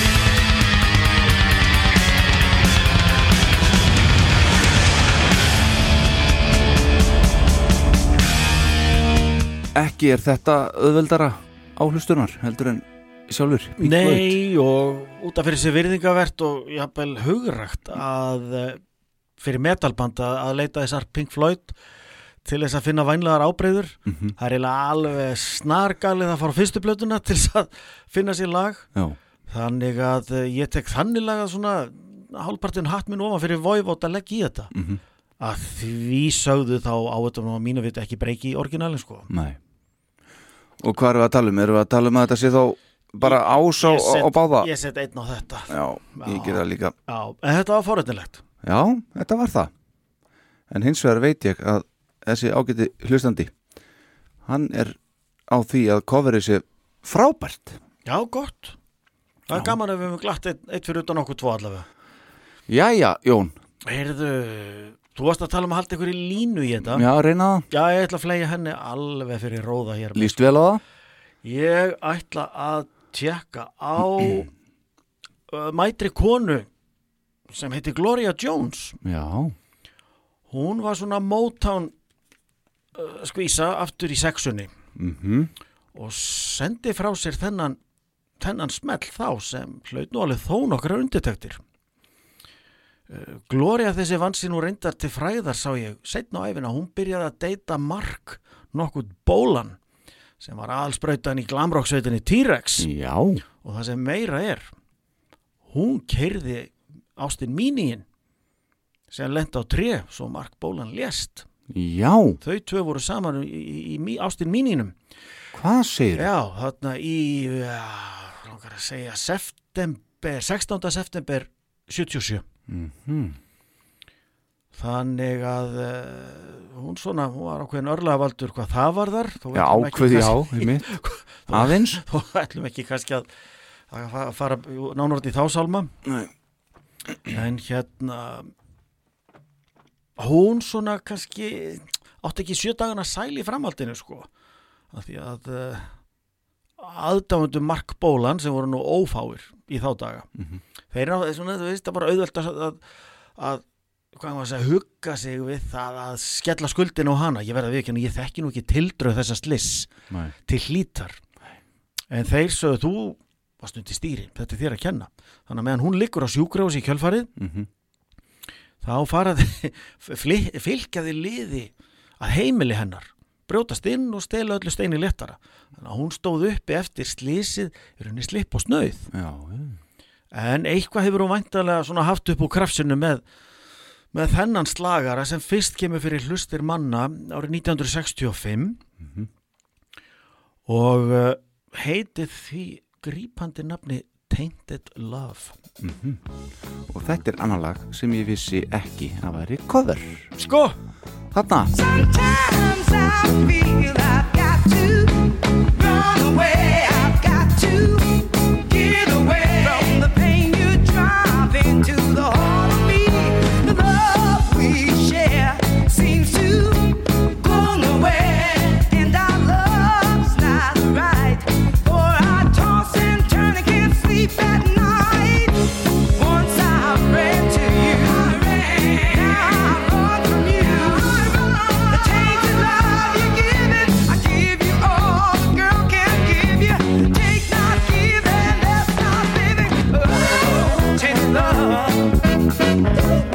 Love.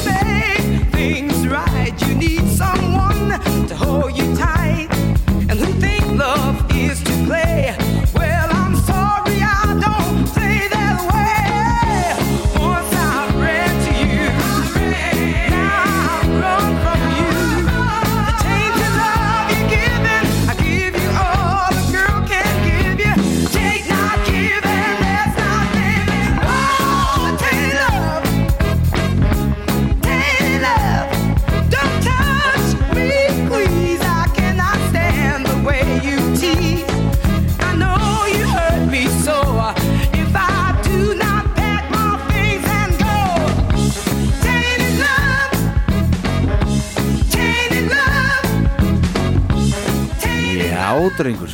Já, Það er ekkert að þessu. nei, Þetta hefur, er- hefur heyrtið þetta áður? Nei, ég, eins og ég segi, ég vissi ekki að þetta væri cover, sko. Nei, já, en, en einmitt. þetta svingar vel maður. Þetta er, Já, já, þetta er bara ekta London 60 sekundni fílingum að sér þetta fyrir sér á klúbunum þar já, já. alveg steinleikur þar Já. En, En svo? Já, þá er maður fyrir þeim sögum skondin starinn svo við kveðjum nú Gloria Jones að hún eignaðist hérna svon og ef ég skil tímalínuna rétt sko þá er hún bara á steipirnu nánast þegar hún lendir í bílsleysinu sem varð Mark Bólan að, að aldur til og tíu dögum setna eignast hún svon og ákveður að skýra hann Roland Bólan. Svona sumalið vetulið, pínu. Já, það bá eiginlega að segja það. Já. Svona og, ég veit ekki, Holly Johnson söngvari Frankie Gosti og Hollywood hefði skýrt svona sinn Bronson Johnson Já, einmitt. e, og eitthvað og getum haldið þannig lengi áfram en þetta er alltaf gott Já. ég veit að hún stopnaði setna meir uh, í Sierra Leone tónlistaskóla af einhverju sort mm Mhm. kendan við Mark heitin Bólan Ok. þannig að það er nú eins gott að eitthvað er að halda nafni hans á lofti. En samt hún þetta laga? nei, Nei. það stólu á mig hver samtiða en nei, hún náða nú ekki Mhm. Síðan spólu við nú uh, fram til ásins 1981 Ok. þá kemur til sögunar duettin Soft Cell. Hmm. skipar þeim Mark Almond og Dave Ball. Og það er lægi tekið snúið niður um einhverjar tvær tóntegundir eða svo til að fara bara betur við Rödd Mark Almond sem er talsvært neðar Aðeins meirum svona áherslur í þessu lagi líka? Já og þá ertu komið með sko rétt eins og við sögðum hérna í upphafi þáttar að Smells Like Teen Spirit var svona lag sem í og með gaf tónin fyrir nýjuna. Þá er þetta lag alveg klárlega eitt af lögunum sem gáði tóni fyrir áttuna. Og hvað ár segir fyrir ekki? 81 81, já. Og þetta lag var að bítast um að vera mest selda smáskífa ársins 1981 við Don't You Want Me með Human League. Tvö grundvallar lög fyrir áttuna drengu minn. En úr var þetta líka stórkostlega smellna sindara poplag. Tainted Love sem flesti þekkja náttúrulega í flutningi. Duetsins Soft Cell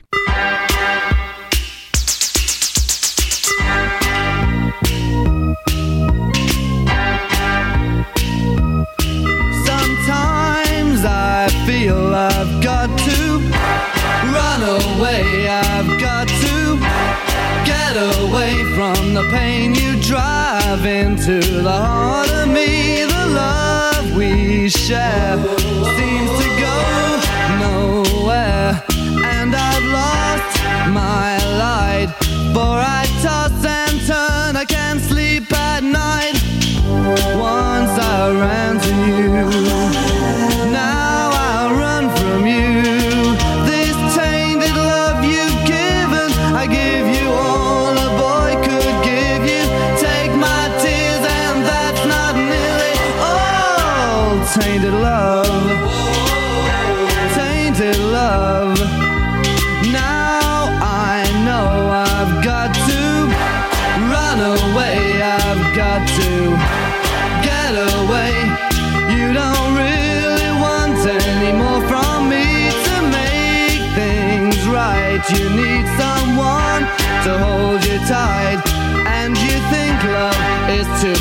Þetta er svo mikið 80s eitthvað. Þetta passa svo ofbáslega vel. Já, þannig byrjaði áratugurinn og þetta bara gaf tóni Já, diskoði var úr sér gengið uh, pöngi var lungu búið mestan partinn þótt að Íslendinga væri kannski að byrja á því. Já, já, en í Bretlandi var þetta nákvæmlega máli þetta og Don't You Want Me með Já. Human League. Vá. þetta gefur bara tónin Heldur betur. Og þetta er frábærlega vel hefnaðalag bói og bói hvað þetta eldist vel. Þetta er geggja Og hvað myndur þú segja og myndir sitta á þetta þá ás eða, eða tvist eða hvað? já þetta finnst mér nú borleikjandi tvistu sko. Mm, þó að Gloria Blessunin hafi gert sitt vel hérna aftur í sexunni sko já, þá finnst mér nú soft cell eiga vinningin hérna. Já, ég er sammálaður og ég var bara með að sjá orginal eh, lögin eh, ná yfirhundinni á ný eftir hvernig staðan er? Já þetta er þannig, Já, við skulum Já. fara yfir hana eftir næsta lag. Gerum það.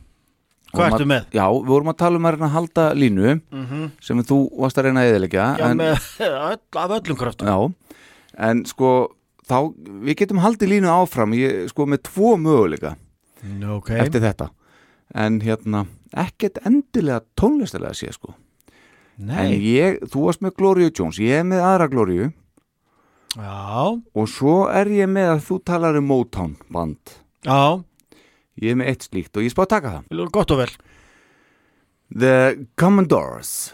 Já, Commodores maður. Já, sem er nú uh, Motown band líka. Uh, þvottekta af þeirra fymtu plötu sem kom út árið 1977 má finna lag sem heitir Easy. Já, Lagið er samið af þáverandi söngvara þeirra sjálfum Lionel Richie gott ef hann blés ekki einni í saxofónu eða eitthvað slíkt. Já, hann má vera. Já, ég held að. Og eh, er þetta eitt af þeirra stærstu smellum fyrr og síðar en þetta band er ennþá starfandi þó svo að Ritchie hafi sagt skilu við þá árið 1982 en þá hafði hann starfað með þeim frá upphafi bandsins 1968 reyndar er bara einn upprunnulegur meðlumur í bandinu dag sem heitir William King en þetta lag fór hins vegar á topp 10 út um allan fucking heim þegar það kom út know it sounds funny, but I just can't stand the pain. Girl, I'm leaving you tomorrow.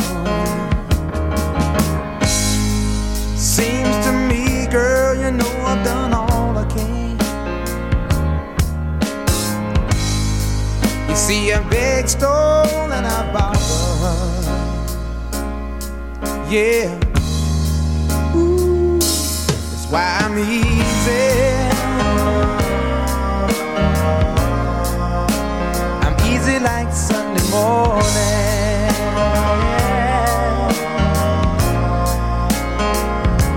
That's why I'm easy.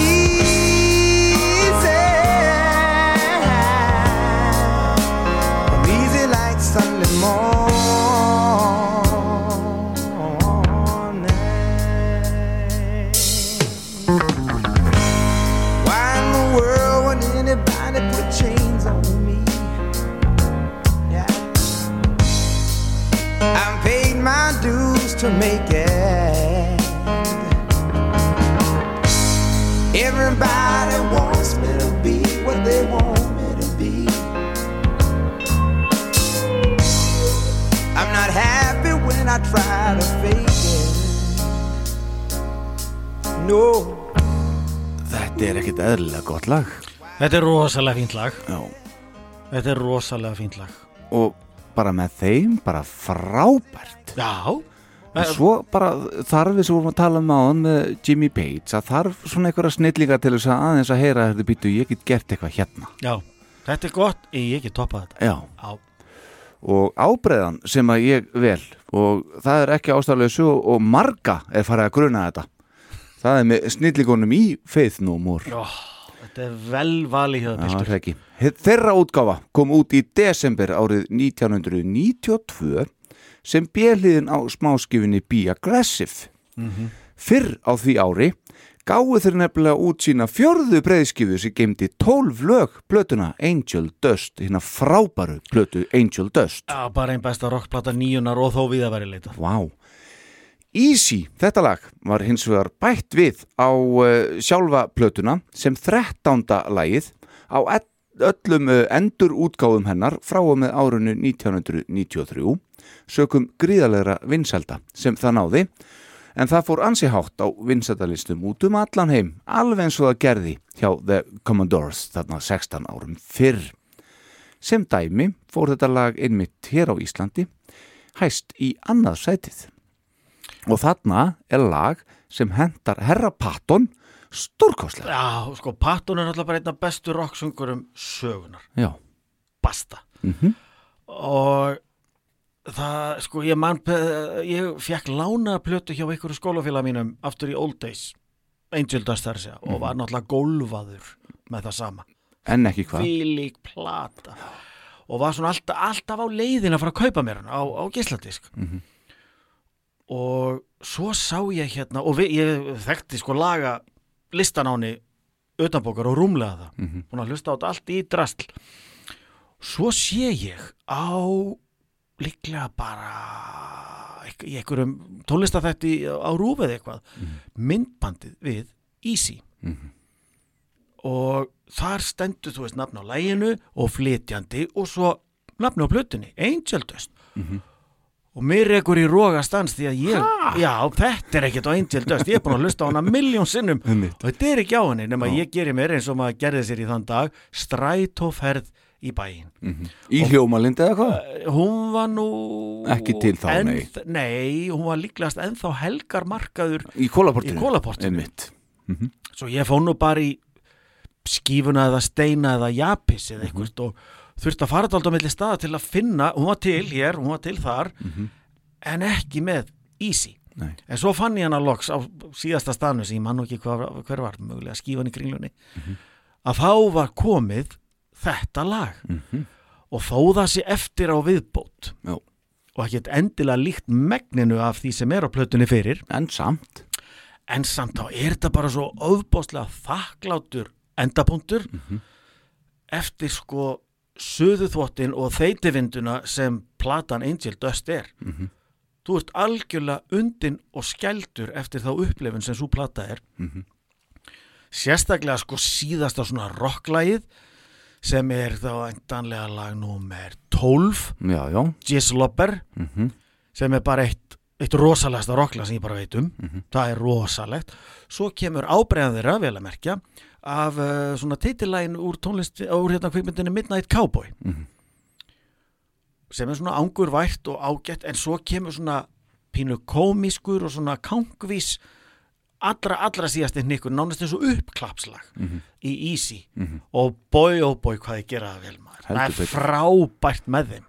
Mér skilst reyndar að þetta lag hafi verið á plötunum frá upphafi í Japan en það er önnu saga. alltaf verið Japanir aðeins svona skref undan Já, alltaf aðeins smá öðruvísi. Já. Öðruvísi cover, öðru- öðruvísi laga Já, það er alltaf til, heyrðu þetta er hvergi nema á Japan sko, Einmitt. Það er mjög mikið kiss heimum um þetta, sko. og bara sem annars það Einmitt. heldur betur Og svo er þetta hérna, með þetta offbeat sem þeir ná að henda inn í þetta sem að einhvern veginn er ekki með Ritchie og þeim. Þetta er bara svona gengur svo fullkomlega upp og er svo geggjað. Já, að því Puffy uh, Þeir taka smá bið þarna? Já, Mike Borden er náttúrulega engin eðlilegu trommuleikari Nei, Nýja hinn er sko Og meir sé að Jim Martin sem var nú rekin úr bandun eftir þessa plötu. Mhm. Hans gítarsólu er betra Og bassalegur Billy Gold var náttúrulega alltaf mm, bara magnaður sko. Hann er með þeim betri. Hann er svakar Það er bara verður að segja. ekki, fer ekki hátt. Nei, nei, einmitt og það er aldrei eitthvað læti í kringum hann hann er aldrei með eitthvað sýningar hann er bara alltaf að gera það hárrétta. Ógeðsla sem er sýningin Rétt No, it sounds funny, but I just can't stand the pain. Girl, I'm leaving you tomorrow. Seems to me, girl, you know I've done all I can. You see a big store.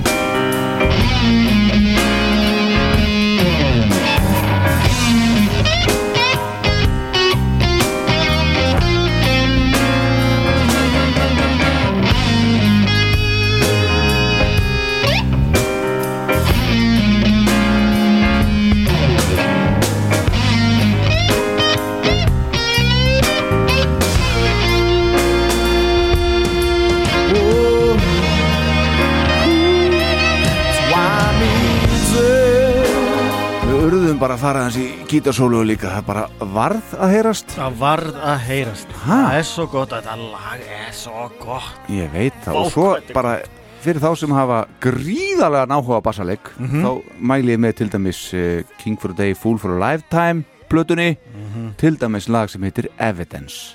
Ertu að grínast? Já, er Hann bara segrar bassaljófarið í því Já, lagi. já, Frábært. Frábært Þetta er alveg geggjað. Jæja, Jón Agnar, hvert allar með okkur? Í allt aðrar áttir Mhm. Byttu fyrir þið, drengum. Ég Við ætlum að fara yfir hafið og til Breitlandsegja Þar er að finna í Skotlandi Mhm. Duett Þetta er eitt af mínum uppáhaldsböndum Skosku bræðurnir Marcus Ióin Sandison og Michael Sandison Þeir Mhm. skipa duettin Boards of Canada Ok. Ógæðislega hæfileikaríkir og, og flotti gaurar Mhm. nánast svona góðsaknakendir í bransanum að því þeir gefa ekki mikið af sér hvað ég maður að segja, þeir gefa sjaldnast viðtöl og eru ekki mikið út á við Mhm. búa til sína músík og það er endar tölvert síðan þeir sendu síðast breyðskifu, ég, vá, nú þarf ég að rifja upp hvenar platan Tomorrow's Harvest kom það er 2012-13 örgulega Já, já. þannig að lengir vona á einum og margir farnir að býða langegir eftir næstu plötu Mhm. en það nánast allt sem hafa gert hingað til er geggja eða á annar borð inn á þessari línu Mhm. og þeir eru svona band sem ég hefði haldið þetta er ógerningur að covera að, að þeir einföld ástæða hljóðheimur þeirra tveggja hljóðheimur hljómsættarinnar Boards of Canada er eiginlega einstakur fyndin saga þegar þeir gefa út sína fyrstu stóru plötu. Mhm. klassist meistaraverk frá 98 sem heitir Music Has the Right to Children. Þá stóð í einhverjum plötudómnum. Að því þetta þótti, það voru ekki allir að kveikja alveg strax þótt að þú veist þeir vissu sem vissu þá voru einhverju sem voru ekki að tengja. Einhverju lappakúta sem voru upptekni við að gefa Oasis 5 stjörnur og eitthvað svo leiðis Já, já. Og einhver sagði í einhverjum plötudómnum mér er nú ekki tekist að grafa þetta upp en ég man bara eftir kvótinu. Þetta hljóma nú eins og uh, tónlist úr dýralífsþáttum frá 70s þetta var borið undir þá bræðu sem litu að sögna hvort annan sem mögulega besta hrós sem við fengið. Og allir sem þekkja bandi takkmarkinu náð. Já, og þeir sem hlýða á glefsur úr lögum af plötunni Music has the right to children.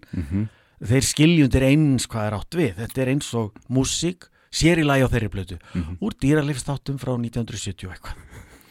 Og þeir hafa gefið út nokkra plötu síðan og þær eru allar stórkostlegar.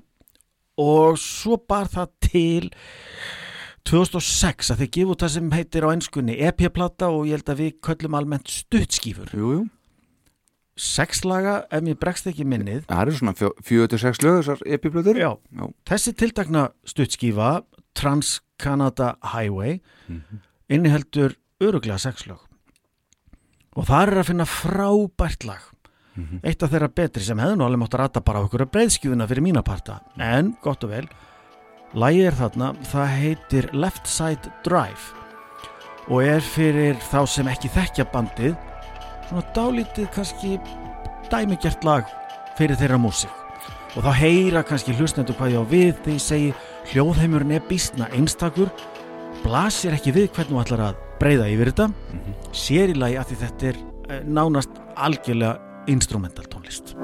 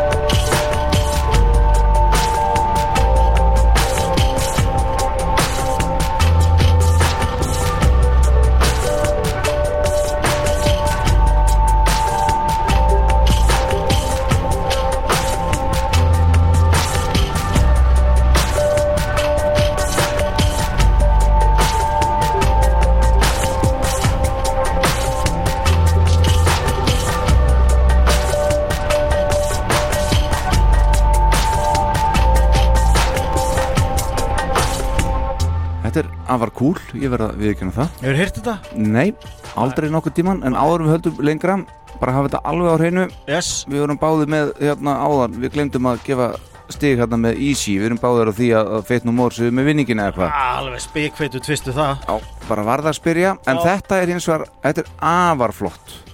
Þetta er rosalega flott og, og fyrir sem sagt ég að segja óvanan eins og þið sem ekki þekkir þetta til hlítar mm ég færi létt með að búa til 20 auðveldlega, 20 laga playlista og því að myndu, fyrst þú, fyrst þú tengi við þetta, þá myndur þú fíla öll 20 lögin auðveldlega. Já, og tuttulega bara með þeim? Auðvitað, alveg sko. Já, þú mátt bara fara í það. Heyrðu, næsta mál á dagskrá. Maður þarf að breiða út fagnar Já, ég mitt Já, Láttu mig þekkja það En svo ertu með eitthvað á mótið þessu. Já, það er eiginlega óvæntasta ábreyðan fyrir mína parta. Komdu með þetta. Eins og ég sagði þér þetta er líklega af öllum þeim listamönnum sem til eru týndir í dag sem ég hefði haldið að veri mestur ógerningur að breyða yfir svo vel sé. Mhm. bæða því þetta er instrumental og svo er hljóðheimurinn einfallega svo ofbóðslega sérstakur. Þetta, það hljómar eiginlega ekkert band eða tónlistamæður eins og Boards of Canada. Mhm. og þá r- nýt ég um það fyrir einhverja tilviljun fyrir kannski svona pff, tveimur ára síðan, veit það ekki. Að söngkonan Solange Knowles sem er litla sýsti Beyoncé Já, hún er sturlaður aðdándi Boards of Canada ok.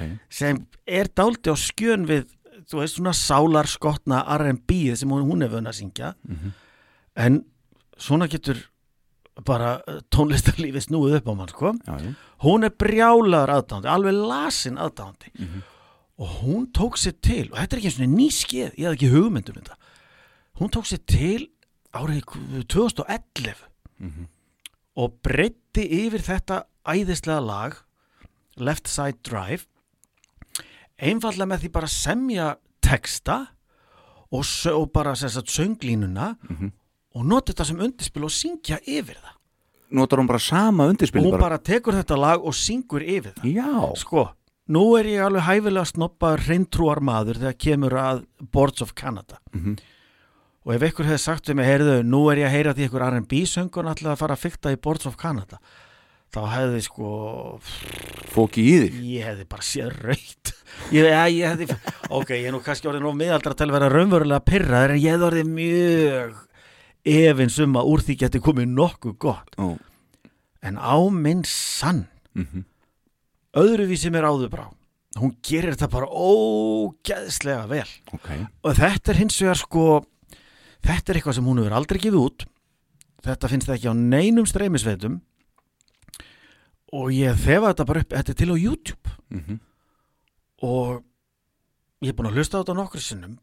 Svona bara núna í aðdraganda þessa þáttar Mhm. bara til að minna mig og bara vá, Já, þetta er svona gott. Þetta er bara, þetta er bara drullu gott. Ok. og fyrir þá sko af hlustundum okkar sem þykir uh, tónlist Boards of Canada daldið þung og daldið tormeld það er alveg skiljanlegt þá hugsa ég að þetta sé eitthvað sem þið fíla. Ok, hann er komið rödd og hann er söngur og eitthvað svo leis og það bara kemur mér í opna skjöldu hvað þetta er flott. Og var þetta gert í samráði við þá? Já, já, þetta er, þetta er ég veit bara verðið ekki, ég veit ekki undir hvað kringustæðan þetta var gert kannski var þetta bara eitthvað kjallarapartí hjá þeim eða eitthvað svo leis það má guð vita en uh, þegar allt er sett upp á strik þá er loka niðurstaðan þetta er bara óbóðslega flott You got one hand in your pocket, the other holds my heart. We we got a plan of a lifetime, but don't know where to start. Happy if I can just talk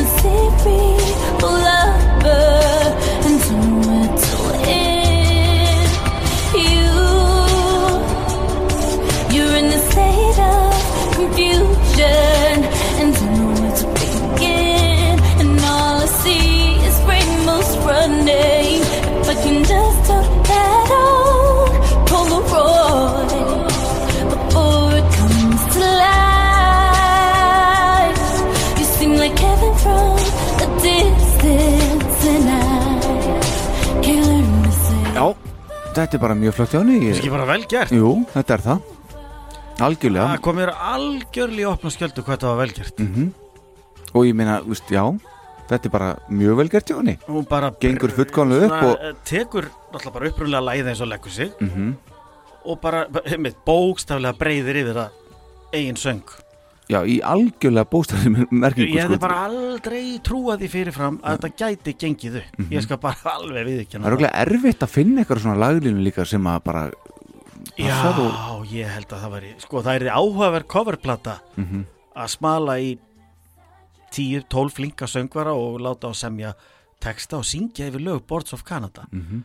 Covers of Canada úi, það komið Brúm en, en þetta finnst mér bara virka Já. og þó að orginallin sé nú sjónamun betri eftir sem áður. Já, þú ætlar að setja stíðið ég þar set ásinn á þetta. Já, ég ger það þá líka finnst mér alveg óbáslega virðingavert hvað þetta er smart og, og Solange Knowles blessunin á óbáslega mikla virðingu hjá mér Já. fyrir hvað þetta er skemmtilegt. Mm Samanlega Herðu, þá uh, skulum við halda fram og við vorum búin að tala um að halda línu og það er náttúrulega bara enga veginn hægt lengur, ég er ekki með það mörg lög á, á hérna í handraðunum en við skulum fara í hérna glóri Já, þú áttir aðra glóri í Já, handraðanum. við skulum taka hana núna og, og hérna línan er þá svo að við erum að tala um söngkonu.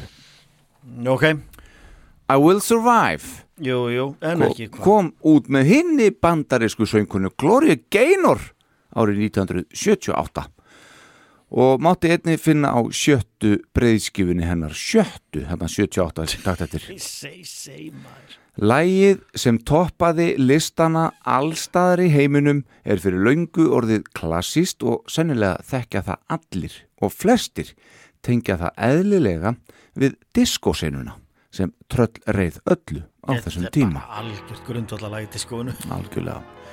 Heyrum hérna smá tóndæmi, Gloria Gaynor. First I was afraid, I was petrified. Kept thinking I could never live without you by my side. But then I spent so many nights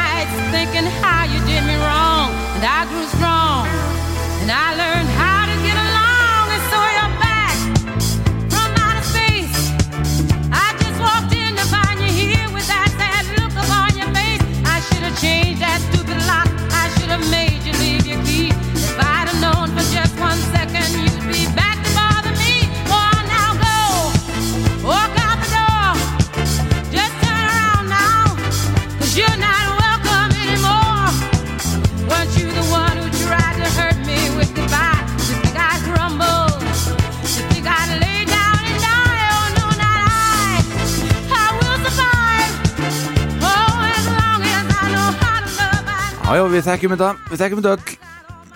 Gloria Gaynor, I Will Survive. Síðan 1978. En, viti menn, það var svo árið 1996 þegar að California sveitin Cake sendi frá sér alveg hreint frábæra ábreyðu af þessu ágæta lægi. Það var þegar að platan þeirra Fashion Nuggets kom út sem var þeirra önnur breyðskifa. Og til gamans má geta að e, á henni má meðal annars finna líka lagið Frank Sinatra. Hefur þið hýrt það? Nei, en hún hafði þá eitthvað til síns ágætis blessunum En það var nú ekki Gloria Gaynor, það var bara Cake. Já, já, það voru keik, segiru Já, Ég já langaði bara að segja þér það þegar við vorum að tala um Frank Sinatra, þinn mann í síðasta þætti. Jú, jú, ég var að hrista, hrista disk úr kollunum á mér, hérna datt ég aðeins út já, ég skil þig.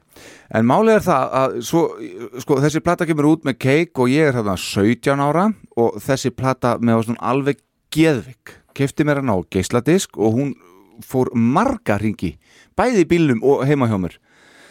Maður er alltaf, að tala um bílinn en þá sem tíma var maður bara rúndinum akkurri sko að sjá til. En ekki hvað. En svo sá ég, ekki fyrir löngu síðan, hvað það ekki verið bara ár síðan eða eitthvað svo leiðis, Ok, þá sá ég eintaka af þessari plötu í Lucky Records. Já. Og ég gengaði henni, ég segi við frúna mína, vorum hann saman, ég segi herðu, ég, ég, ég, ég ætla að fá þessa. Og lappaði, hún er svona ekki í bunkanum, hún er upp á vegg, Já, í hérna statíunum Já. er klæða, já, já og ég, hérna, ég lappa nær og þá bara verði ég hvítur í framann sko. platan kostar rúmlega 50.000 krónur Á vínil já og ég fyrir og, spyrði hérna fyrir geðu hérna Hvað átt að þýða? er það? og hérna, já, þeir heldur það nú og fóru hérna með mig á neti og síndu mér og þá er sem sagt fyrsta pressan sem er nekkit voðalega mörg eintök og, og þetta var sem sagt uh, með serialnúmer úr, úr fyrstu pressu síðan 96 Gott og blessaðan er eftirspurnin slík. Já, hún er nefnilega nákvæmlega þannig. Já, hérna. Og ég var alvarlega heitur þetta hefði verið 20, 25 ég hefði látið vaða, 50 fannst mér aðeins svo mikið þannig ég slefti í Ok. Ég veit ekki hvort sé ennþá hana en allavega hana þá er, var hún til í Lucky Records. Og sá sem kefti hana er sennilega bara mjög heppin. Ef þú er ekki hlustað á þessa plötu Fashion Nuggets með Cake þá mæli ég með að þú gerir það þið snarasta. Puntaði hjá mér At first I was afraid, I was petrified. I kept thinking I could never live without you by my side. But then I spent so many nights just thinking how you'd done me wrong. I grew strong. I learned how to get along, and so back from outer space. I just walked in to find you here without that look upon your face. I should have changed my fucking lock. I would have made you leave your key if I'd have known for just one second you'd be back to bother me. Oh, now go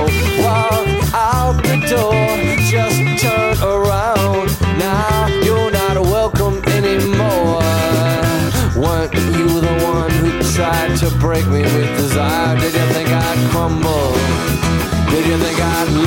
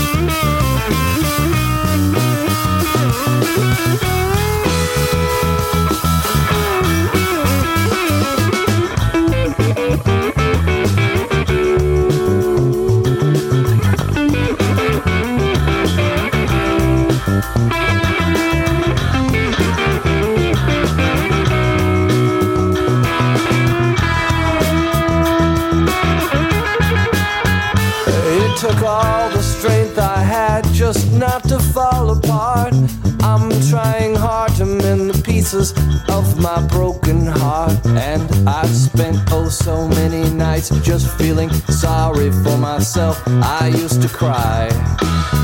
But now I hold my head up high and you see me somebody new. I'm not that stupid little person still in love with you. And so you thought you'd just drop by and you expect me to be free. But now I'm saving all my loving for someone who's loving me. Oh, now go walk out the door. Just turn around. Now you're not welcome anymore. Weren't you the one who tried to break me with desire? Did you think I'd crumble? Did you think I'd lay down and die? Oh, not I. I will survive. Yeah, as long as I know how to love, I know I'll be alive. I've got all my life to live. I've got all my love to give. I will survive. I will survive. Yeah, yeah,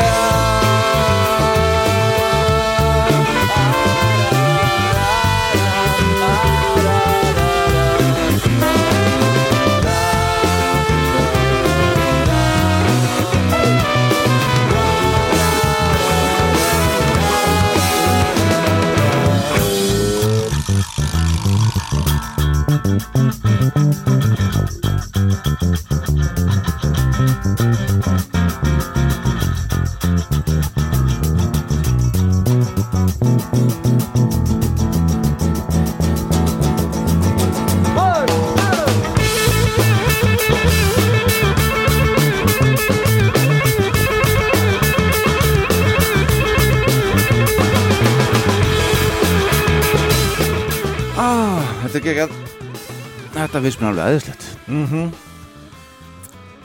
Hæ, hvernig fýlar þetta? Þeir, ég myndi segja að þeir ná að sjóða bara alveg ágæta naglasúpu upp og freka takmörkuðum efni við. En ég er kannski ekki alveg margtakur ég, Gloria Blessunin Gaynor hefur aldrei gert mikið fyrir mig. Nei. En hún hefur gert helling fyrir miljónir ofan og miljónir af fólki í heiminum. Mm Svo það er eitthvað, henni er drull hvað mér finnst. Já En, En Cake? Cake? Gerir þetta, ah, þú veist, þeir taka undarennu og ná að þeitun upp í rjóma. Er það ekki?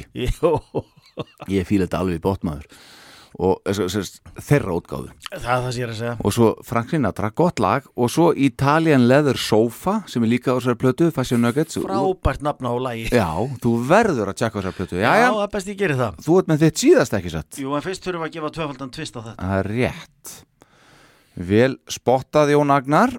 Orginallin á ekki breyki þetta. Ég sé það strax. Rættur um ekki. Nei, nei. En ok, hvað ertu með? Ég er með orginal af, þriði plötu langar með að segja með Bob Dylan. Já, hinnum frábæra. Já, já, fortakslaust eitt af, eitt af hérna söngaskaldum 20. aldarinnar og, og helstu áhrifavöldum fram og tilbaka af plötunni Bringing It All Back mm frá 65 þarna fer okkar maður náttúrulega mikinn þarna er að finna klassísk lög eins og Subterranean Homesick Blues og Mr. Tambourine Man mm. veit þetta bara Já, já hortsteinar í 60-sinu sko Mhm. og svo kemur lokalægið It's All Over Now Baby Blue Mhm. Það er lag sem ég verða við ekki er ekkit mjög langt sko, af því að ég hef ekki lagst mikið í Dylan. Ekki heldur. Ég, ég sé alveg virðið í honum og ég hef alveg hlustað á sko eigum að segja þessi svona óumdildu stórvirki og Blood on the Tracks Blond on Blond, þessar plötur. En áhugin minn á Dylan er satt að segja, þú veist, hann er, hann er afmarkaður. Ég er ekki Dylan nörd og mun aldrei verða Sama hér. Já, en þarna var sem sagt lag sem ég týni til í þessari upprunaleg útgáfa, ábreið útgáfa í þessum tvennu leik okkar. Mhm. og það er þetta lag. Þetta lag e, ber þess að þetta aldrei merki sko. Hvað ég var að segja, í dag og síðustu kannski 30 ár, jafnvel lengur hefur Bob Dylan sungið svona eins og grjótmulningsvél með mikið af möl þannig er að meira svona eins og nutribúlett með fullt af klökum Já. og sérstaklega kannski í þessu tilteknilega, þetta er lokalega plötunar mm og hann er auðvitað bara reyðu maður í 60-sinu, mikil ósköp og hann liggur allur heimurinn á hjarta -hmm. svo það er dálítið æðibunnu gangur því sem hann er að segja það er út af fyrir sig gott og gilt mm Mhm. Eða að heyra hvernig það hljómar í þessu lagi You must leave now, take what you need, you think will last. But whatever you wish to keep, you better grab it fast. He understands your orphan with his gun. Crying like a fire in the sun. Look out,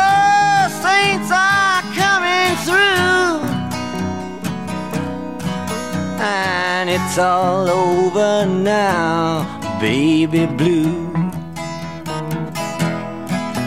The highway is for gamblers, better use your sense. Take what you have gathered from coincidence. The empty handed painter from your streets is drawing crazy patterns on your sheets. The sky too is folding under you. And it's all over now, baby blue.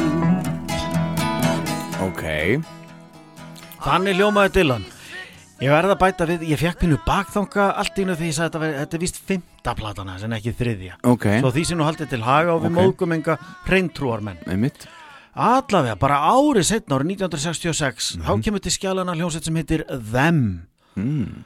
Them er aldrei skemmtileg hljómsveit ég heyrði fyrst í fyrir mína persónulegu parta e, í, uh, svo við tölum nú vonda íslensku, ú, á soundtrackinu Mm. úr þeirri frábæru mynd David Lynch, Wild at Heart. Já Þar eiga þeir geggjaðan slagara sem heitir Baby Please Don't Go. mm. Fjandi skemmtilegt lag.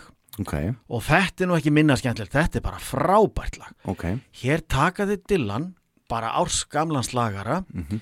gefa honum meiri melodíu og svona aðeins meiri gravitas einhvern veginn og gera oft- ógeðslega vel. Þetta eru oft verið gert um megas líka.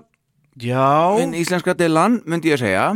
Já, íslenski Dylan er líklega óumdeilt. Já, tekið og sett smá melodían og þá kemur ljósærði helvíti maður, hann bara, já, þetta er helviti gott hjá Já, En þeir sem er ekki all in nei, eins og ég er ekki all in í megas og ekki all in í Dylan, ég er bara svona ég veit ekki ég næði þessu bara ekki, kannski bara veist, ekki nú, nú að mentaður í þetta sko. Með, með hvernig sem það er, ég- sko, Them hins vegar, sem er þarna leittir af söngvarnum Van Morrison sem Jæja, örstuttu síðar ákveður að fara solo og sendi frá sér svona grund og allar söngvaskáldsplötuna Astral Weeks mm, sem er önnur saga. Mhm. þeir þetta og bara gera þetta allt öðru lægi já, Van Morrison syngur þetta ekki alveg með miklum rempingi og Dylan blessaður og nú vil ég ekki hallmæla Dylan svo fólk verði ekki alveg brjálað núti en mér finnst þetta býstna vel gert og uh, þeir sem eru kannski af okkar kynnslóð og eldri þeir munu kveikja á því að þannig er komin grunnurinn sem sá mikli höfuðsnillingur Beck Hansen. Hann tók og nýtti í eitt af bestu lögunum á einn af bestu plötunum hans. Það er sér að lagið Jackass já, á plötunni Odelay ok. Hún myndi örgulega kannast við það þegar þetta fyrir að rúla Them og It's All Over Now Baby Blue. You must leave now, take what you need, you think will last. But whatever you wish to keep, you better grab it fast. Yonder stands your orphan with his gun, crying like a fire in the sun.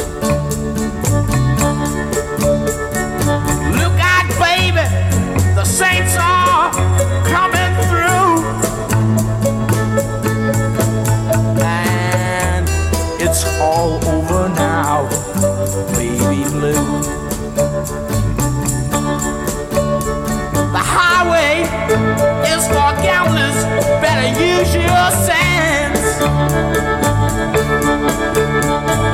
Take what you have gathered from coincidence. The empty handed painter from your streets is drawing crazy patterns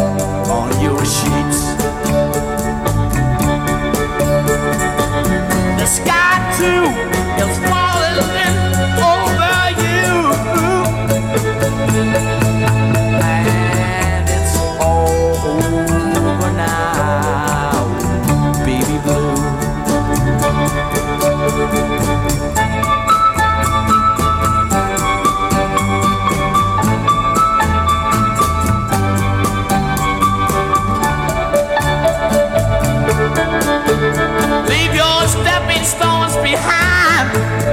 something that calls for you.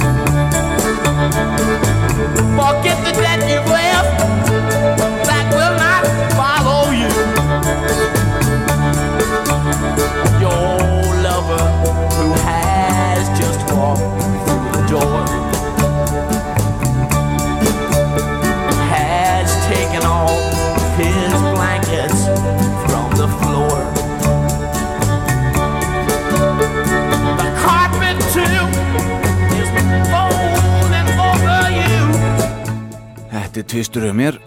Er þetta ekki klár tvistur? Jú, jú, allan daginn. þetta fjandi flott lag, ég fíla þetta lag. Og ég skal hundur heita ef að bassalekarinn þarna Mhm. sé ekki úr Wrecking Crew og heiti Karol K. Ég þekki sándið hans Já. Það er enginn að segja mér að einhver annar önnur en Karol K sé að spila þennan bassa með nögl á bassan sinn. Það er alveg garantít. Hún spilaði uh, mikið fyrir náttúrulega fullt af fólki þarna og hljómsveitum þarna sem hluti af Wrecking Crew. Right. Pet Sounds til dæmis sem svona laðið sig og meira. Fyrir Doors og meira og ég heyri bara algjörlega, þetta er Karol K Já, að spila þetta bassa. þekkir þú betur en ég. Já, ég, ég var að reyna að googla þetta með ef við við vorum að spila þetta og ég fann þetta ekki. Ok, en uh, ef einhver getur prove me wrong, do it. Já En já, við erum sammálum þetta tvistur. Ja, Absolutely, sko, Já. algjörlega. Þetta, þetta er, þetta er dilanslagarinn árskamall Já, og þeir sjá æri, það er hægt að láta þetta deg hefast og, og gera eitthvað meir úr því. Já, akkurat. Mikil óskup og það gerðu þeir. Herðu, þá skulum við taka hérna e, loka koss Já, hvernig væri það? Já, stela það. Herðu, það er einmitt lag sem heitir Last Kiss. Já, Hei, Bingo. Uh, Þetta kom fyrst út árið 1961 með hinnum skrautlega tónlistamanni Wayne Cochran. En það náði ekki gegn í tónlistarsenunni í það skiptið ok. þrátt fyrir frábæra hárgreðslu frá herra Cochran. Hefur þið séð það? Já, ég sé það. Já, fyrir þá sem að ekki séð það, googlið það. Já, það er vel þessu. Árið er 61 þarna. En hann náði ekki gegn Hann hann tók það upp aftur Tveimur árum síðar, 1963 Og gaf það út á ný Og þá náði það í gegn. Hann hefur eitthvað vandað sér betur kallið þá En lagi fór alla leið í annarsætið á Billboard Hot 100 listanum Það árið. Tíu árum síðar náði það ágætum árangri á ný En þá með kanadísku rocksveitinni Wednesday og í það skiptið hæst í annað sætið á listanum í Kanada, heimalandinu á þeim, Wednesday. En þá aðeins í það 38. á bandariska Billboard listanum aðeins. Ég var til í að hafa náð einhverju lægi bara þó það sé coverlag á Já. 38. sætið á Bill- Billboard listanum. Já, já, við gerum ekki lítið úr því Með alls ekki. Þannig að við skulum heyra hérna í uh, herra Cochran. Well, where, oh, where can my baby be? The Lord took her away from me. She's gone to heaven, so I got to be good. So I can see my baby when I leave this world. We were out on a date in my daddy's car. We hadn't driven very far. When there in the road, straight ahead, car was the engine was dead.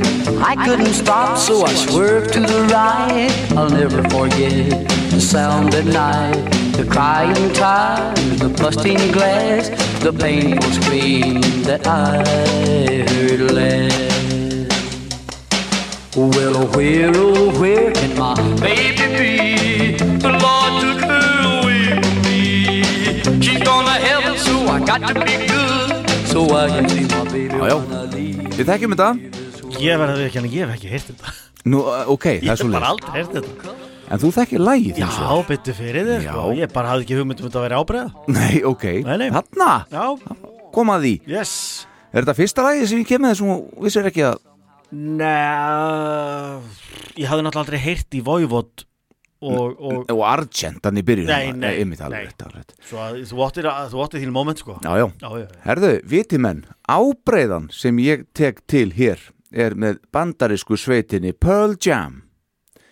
Þeir gáðu þetta út sumarið 1999 sætla minninga, takk fyrir. Góðan daginn. Og þá fyrst á einhvers konar góðgerarsaplötu sem að Epic útgáfan stóð fyrir til styrtar fórnanlöfum stríðsins í Kosovo Það var á plötunni No Boundaries, a benefit for the Kosovar re- refugees.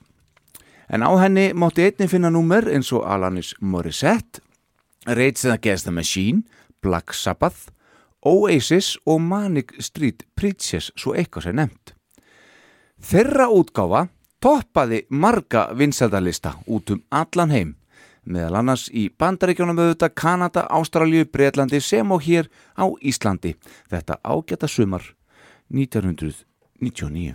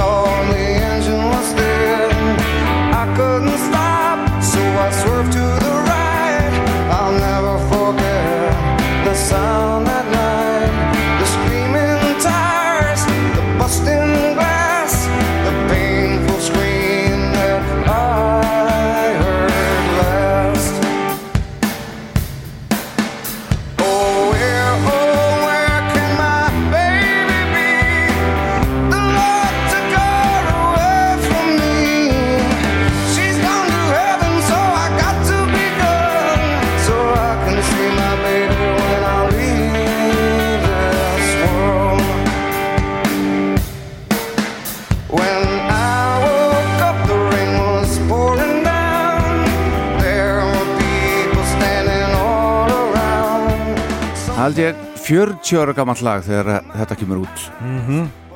Ég endur ekki, ég hafði ekki hugmynd um þetta væri cover sko. Nei, nei, þetta er bara Svona er þetta bara. Svona er þetta bara.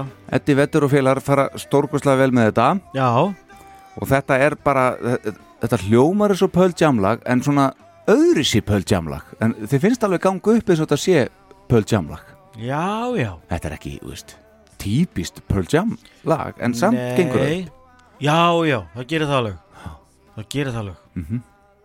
Algjörlega, herru þetta var aldrei gaman Jónagnar, þetta er eh, búið að vera fullt af lögum og ég held við þurfum ekki svona að fara yfir stöðuna en við skulum gera það samt. Ok, þetta er já þetta var tvistur hjá þér ekki satt? Nei veistu, ég ætla að ganga gegn öllu og segja bara að ég var svo ánægð með lagið, lagið með rockabilly feelingin í Ef þú ætlar að gera það? Já, ég ætla að setja á kallinn. Ok, þá endar þetta þannig að uh, original songs eru með nýju stig mm og cover 25 stig. Það er afgerandi maður Já, það er það. Já, En auðvitað hefði maður alveg geta valið lög sem að, veist, eru, maður valdi svona góð cover, svolítið. já, fyrst og fremst þetta pointless að vera með þátt sem er eru vá, þetta er allt ömuleg cover Já, einmitt. En ég er að gefa hérna 12 lögum, coverlögum stig Já. og, og 5 original og þú ert með 4 original og 13 covers. Ég maður Já. ekkert hvað var sem að, hvort það hefur allt eins og eitt öðru, ég maður ekki, Já, allavega. Ég held, jú, þú gafst bávi Það er rétt. Já, Hár rétt hjá þér. Já. Hár rétt. þar var það Annars vorum við nú nokkuð samstíga Heldur betur. Já, En þetta var gaman eins og ég segi og ég þakkar innlega fyrir að koma Jón Agnar í Jónsmessu númer eins og ávalt er mín ánægjan. Og við erum búin að ákveða næsta málefni. Það er víst. Já. og ég bara endur sem ég sagði hérna í byrjun ég þakka kærlega fyrir þau skilabóð og, og það sem þið hérna hafi sendt mér og, og sagt við með því hitt ykkur að, að þið kunnið að meta það sem við erum að gera og þá er það bara eins og segir. Á, tilgangun náð. Akkurat, Já, eitthvað sem þú vilt segja að lokum Jón? Ekki annað en ég laka bara til næsta skiptis. Já, ég er samanlegaður Hjertanlega Já, Við ætlum samt að enda þetta svolítið hart. Það er ekki verra. Við verðum að gera það. Ok, Við skulum byrja þá, við þurfum að heyra tvo, tvo, þessar tvo búta. Aðvanda Stone Cold Crazy er lag sem að enska stórsveitin Queen gaf út árið 1974 og má finna á þeirra þriðju breyskjöfu Cheer Heart Attack. Það má halda því fram að lagið sé að mörguleiti nokkuð úr takti við þinn típisku Queen lög þar sem það er í því smá heavy metal en það er það síðan Queen voru þungaraksband vil ég segja. Til að mynda flokkaði tónlistatímaritið Q það undir thrash metal og það löngu áður en að það hugtak varði raun til. Þá setti sjónvastöðin VH1 það í 38. sætið yfir bestu hard rock lög allra tíma. Og við erum að tala um Queen. Við erum að tala um Queen, vel að merkja Já, og þannig að mætti segja að þetta séu svona sangallegar frumkvölar þarna á ferð og árið er 1974 Áhugavert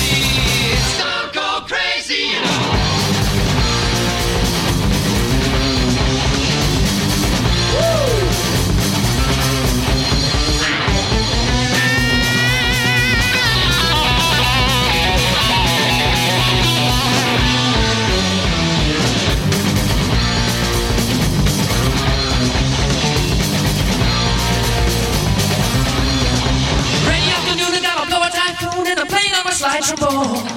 Anymore, anymore, can't I take it anymore? Gotta get away from this storm or claw. Crazy, I'm go crazy, on. Þetta er geðvegt Þetta er bara annað sem ég hef aldrei heyrt Nú er það ekki? Aldrei nokkuð Ég hef reyndar Nei, aldrei nú, hæ- nú hættur þú Nei, nei, ég hef bara aldrei var bara viðkjöna, ég hef aldrei borið með neitt ofbáslega uh, mikið eftir Queen, Nei, ok. Ég er bara þar. En þetta er, þetta er negla. Já, þetta er meiri keisla, ég hef heyrt í þeim áður. Já, þetta bara hafði ekkert heyrst þarna, sko. Nei, nei. Uh, En, allavega Við erum búin að kveðja ekki satt? Jú, Takk fyrir að koma, Jón. Takk sem leiðis Hlakka til Jónsmessu nummer 5 Sama hér. Og til að loka þessu, þetta er svona bónustrakki okkur í dag Við gætum tekið annan ábreyðu þátt Ekkert mál. Ég er með svona Auðveldlega. Ég er með Guns N' Roses eftir, ég er með hljómsveitina Orgy, ég er með uh, Melvins, ég er með Korn, ég er með Chris Cornell, ég er með Víser, ég er með Endalust. Já. Þannig að það er að nægu að taka, þannig að við skulum bara enda þetta núna. Ábreiðan sem ég vel að sjálfsögðu er með stórsveitinni Metallica. Mm -hmm. Hefur þið heyrt þetta? Já, þetta hef ég heyrt Já, já, ok. Ég hef ekki hugmynd um að það, að það væri annar lag sem væri orginal Nei, með Queen, ég skil, ok. Já. Þetta er síðan 1990. Elektra, plötu útgáfan, fagnaði þá 40 ára ammali sínu og sendi því frá sér tvöfalda og stórglæsilega plötu með ímsu tónlistarfólki og hljómsveitum sem þá voru að mála hjá þeim. Þar mættu, sem sagt, Metallica með þetta lag sem hentaði þeim afar vel á þessum tíma. Og ef maður vissi ekki betur, þá hefði maður einmitt haldið að lagið væri eftir þá sjálfa. Þeir settu það síðar á bjelliðina á smáskjöfuna við lagið Enter Sandman sem gefin var út til að kynna hérna frægu stóru svörtuplötu sem kom út ári síðar 1991. En á þessari fyrrnemdu safplötu mátti meðal annars finna númer eins og The Cure sem tóku Doors lagið Hello, I Love You, Tracy Chapman, Pixies, Gypsy King sem fluttu Eagles-lagið Hotel California og svo hérna íslensku sveit The Sugar Cubes. Já, minn sann Ég legg ekki meira á þig á sömur plötu og Metallica og allir þessi ég taldi hér upp. Jón Agnar, við klárum þetta á Stone Cold Crazy með Metallica.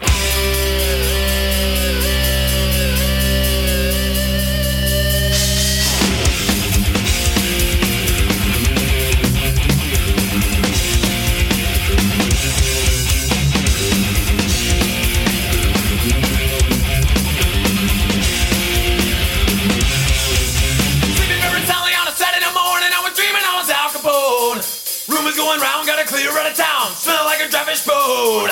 Here comes the law, gonna break down the door. Carry me away once more.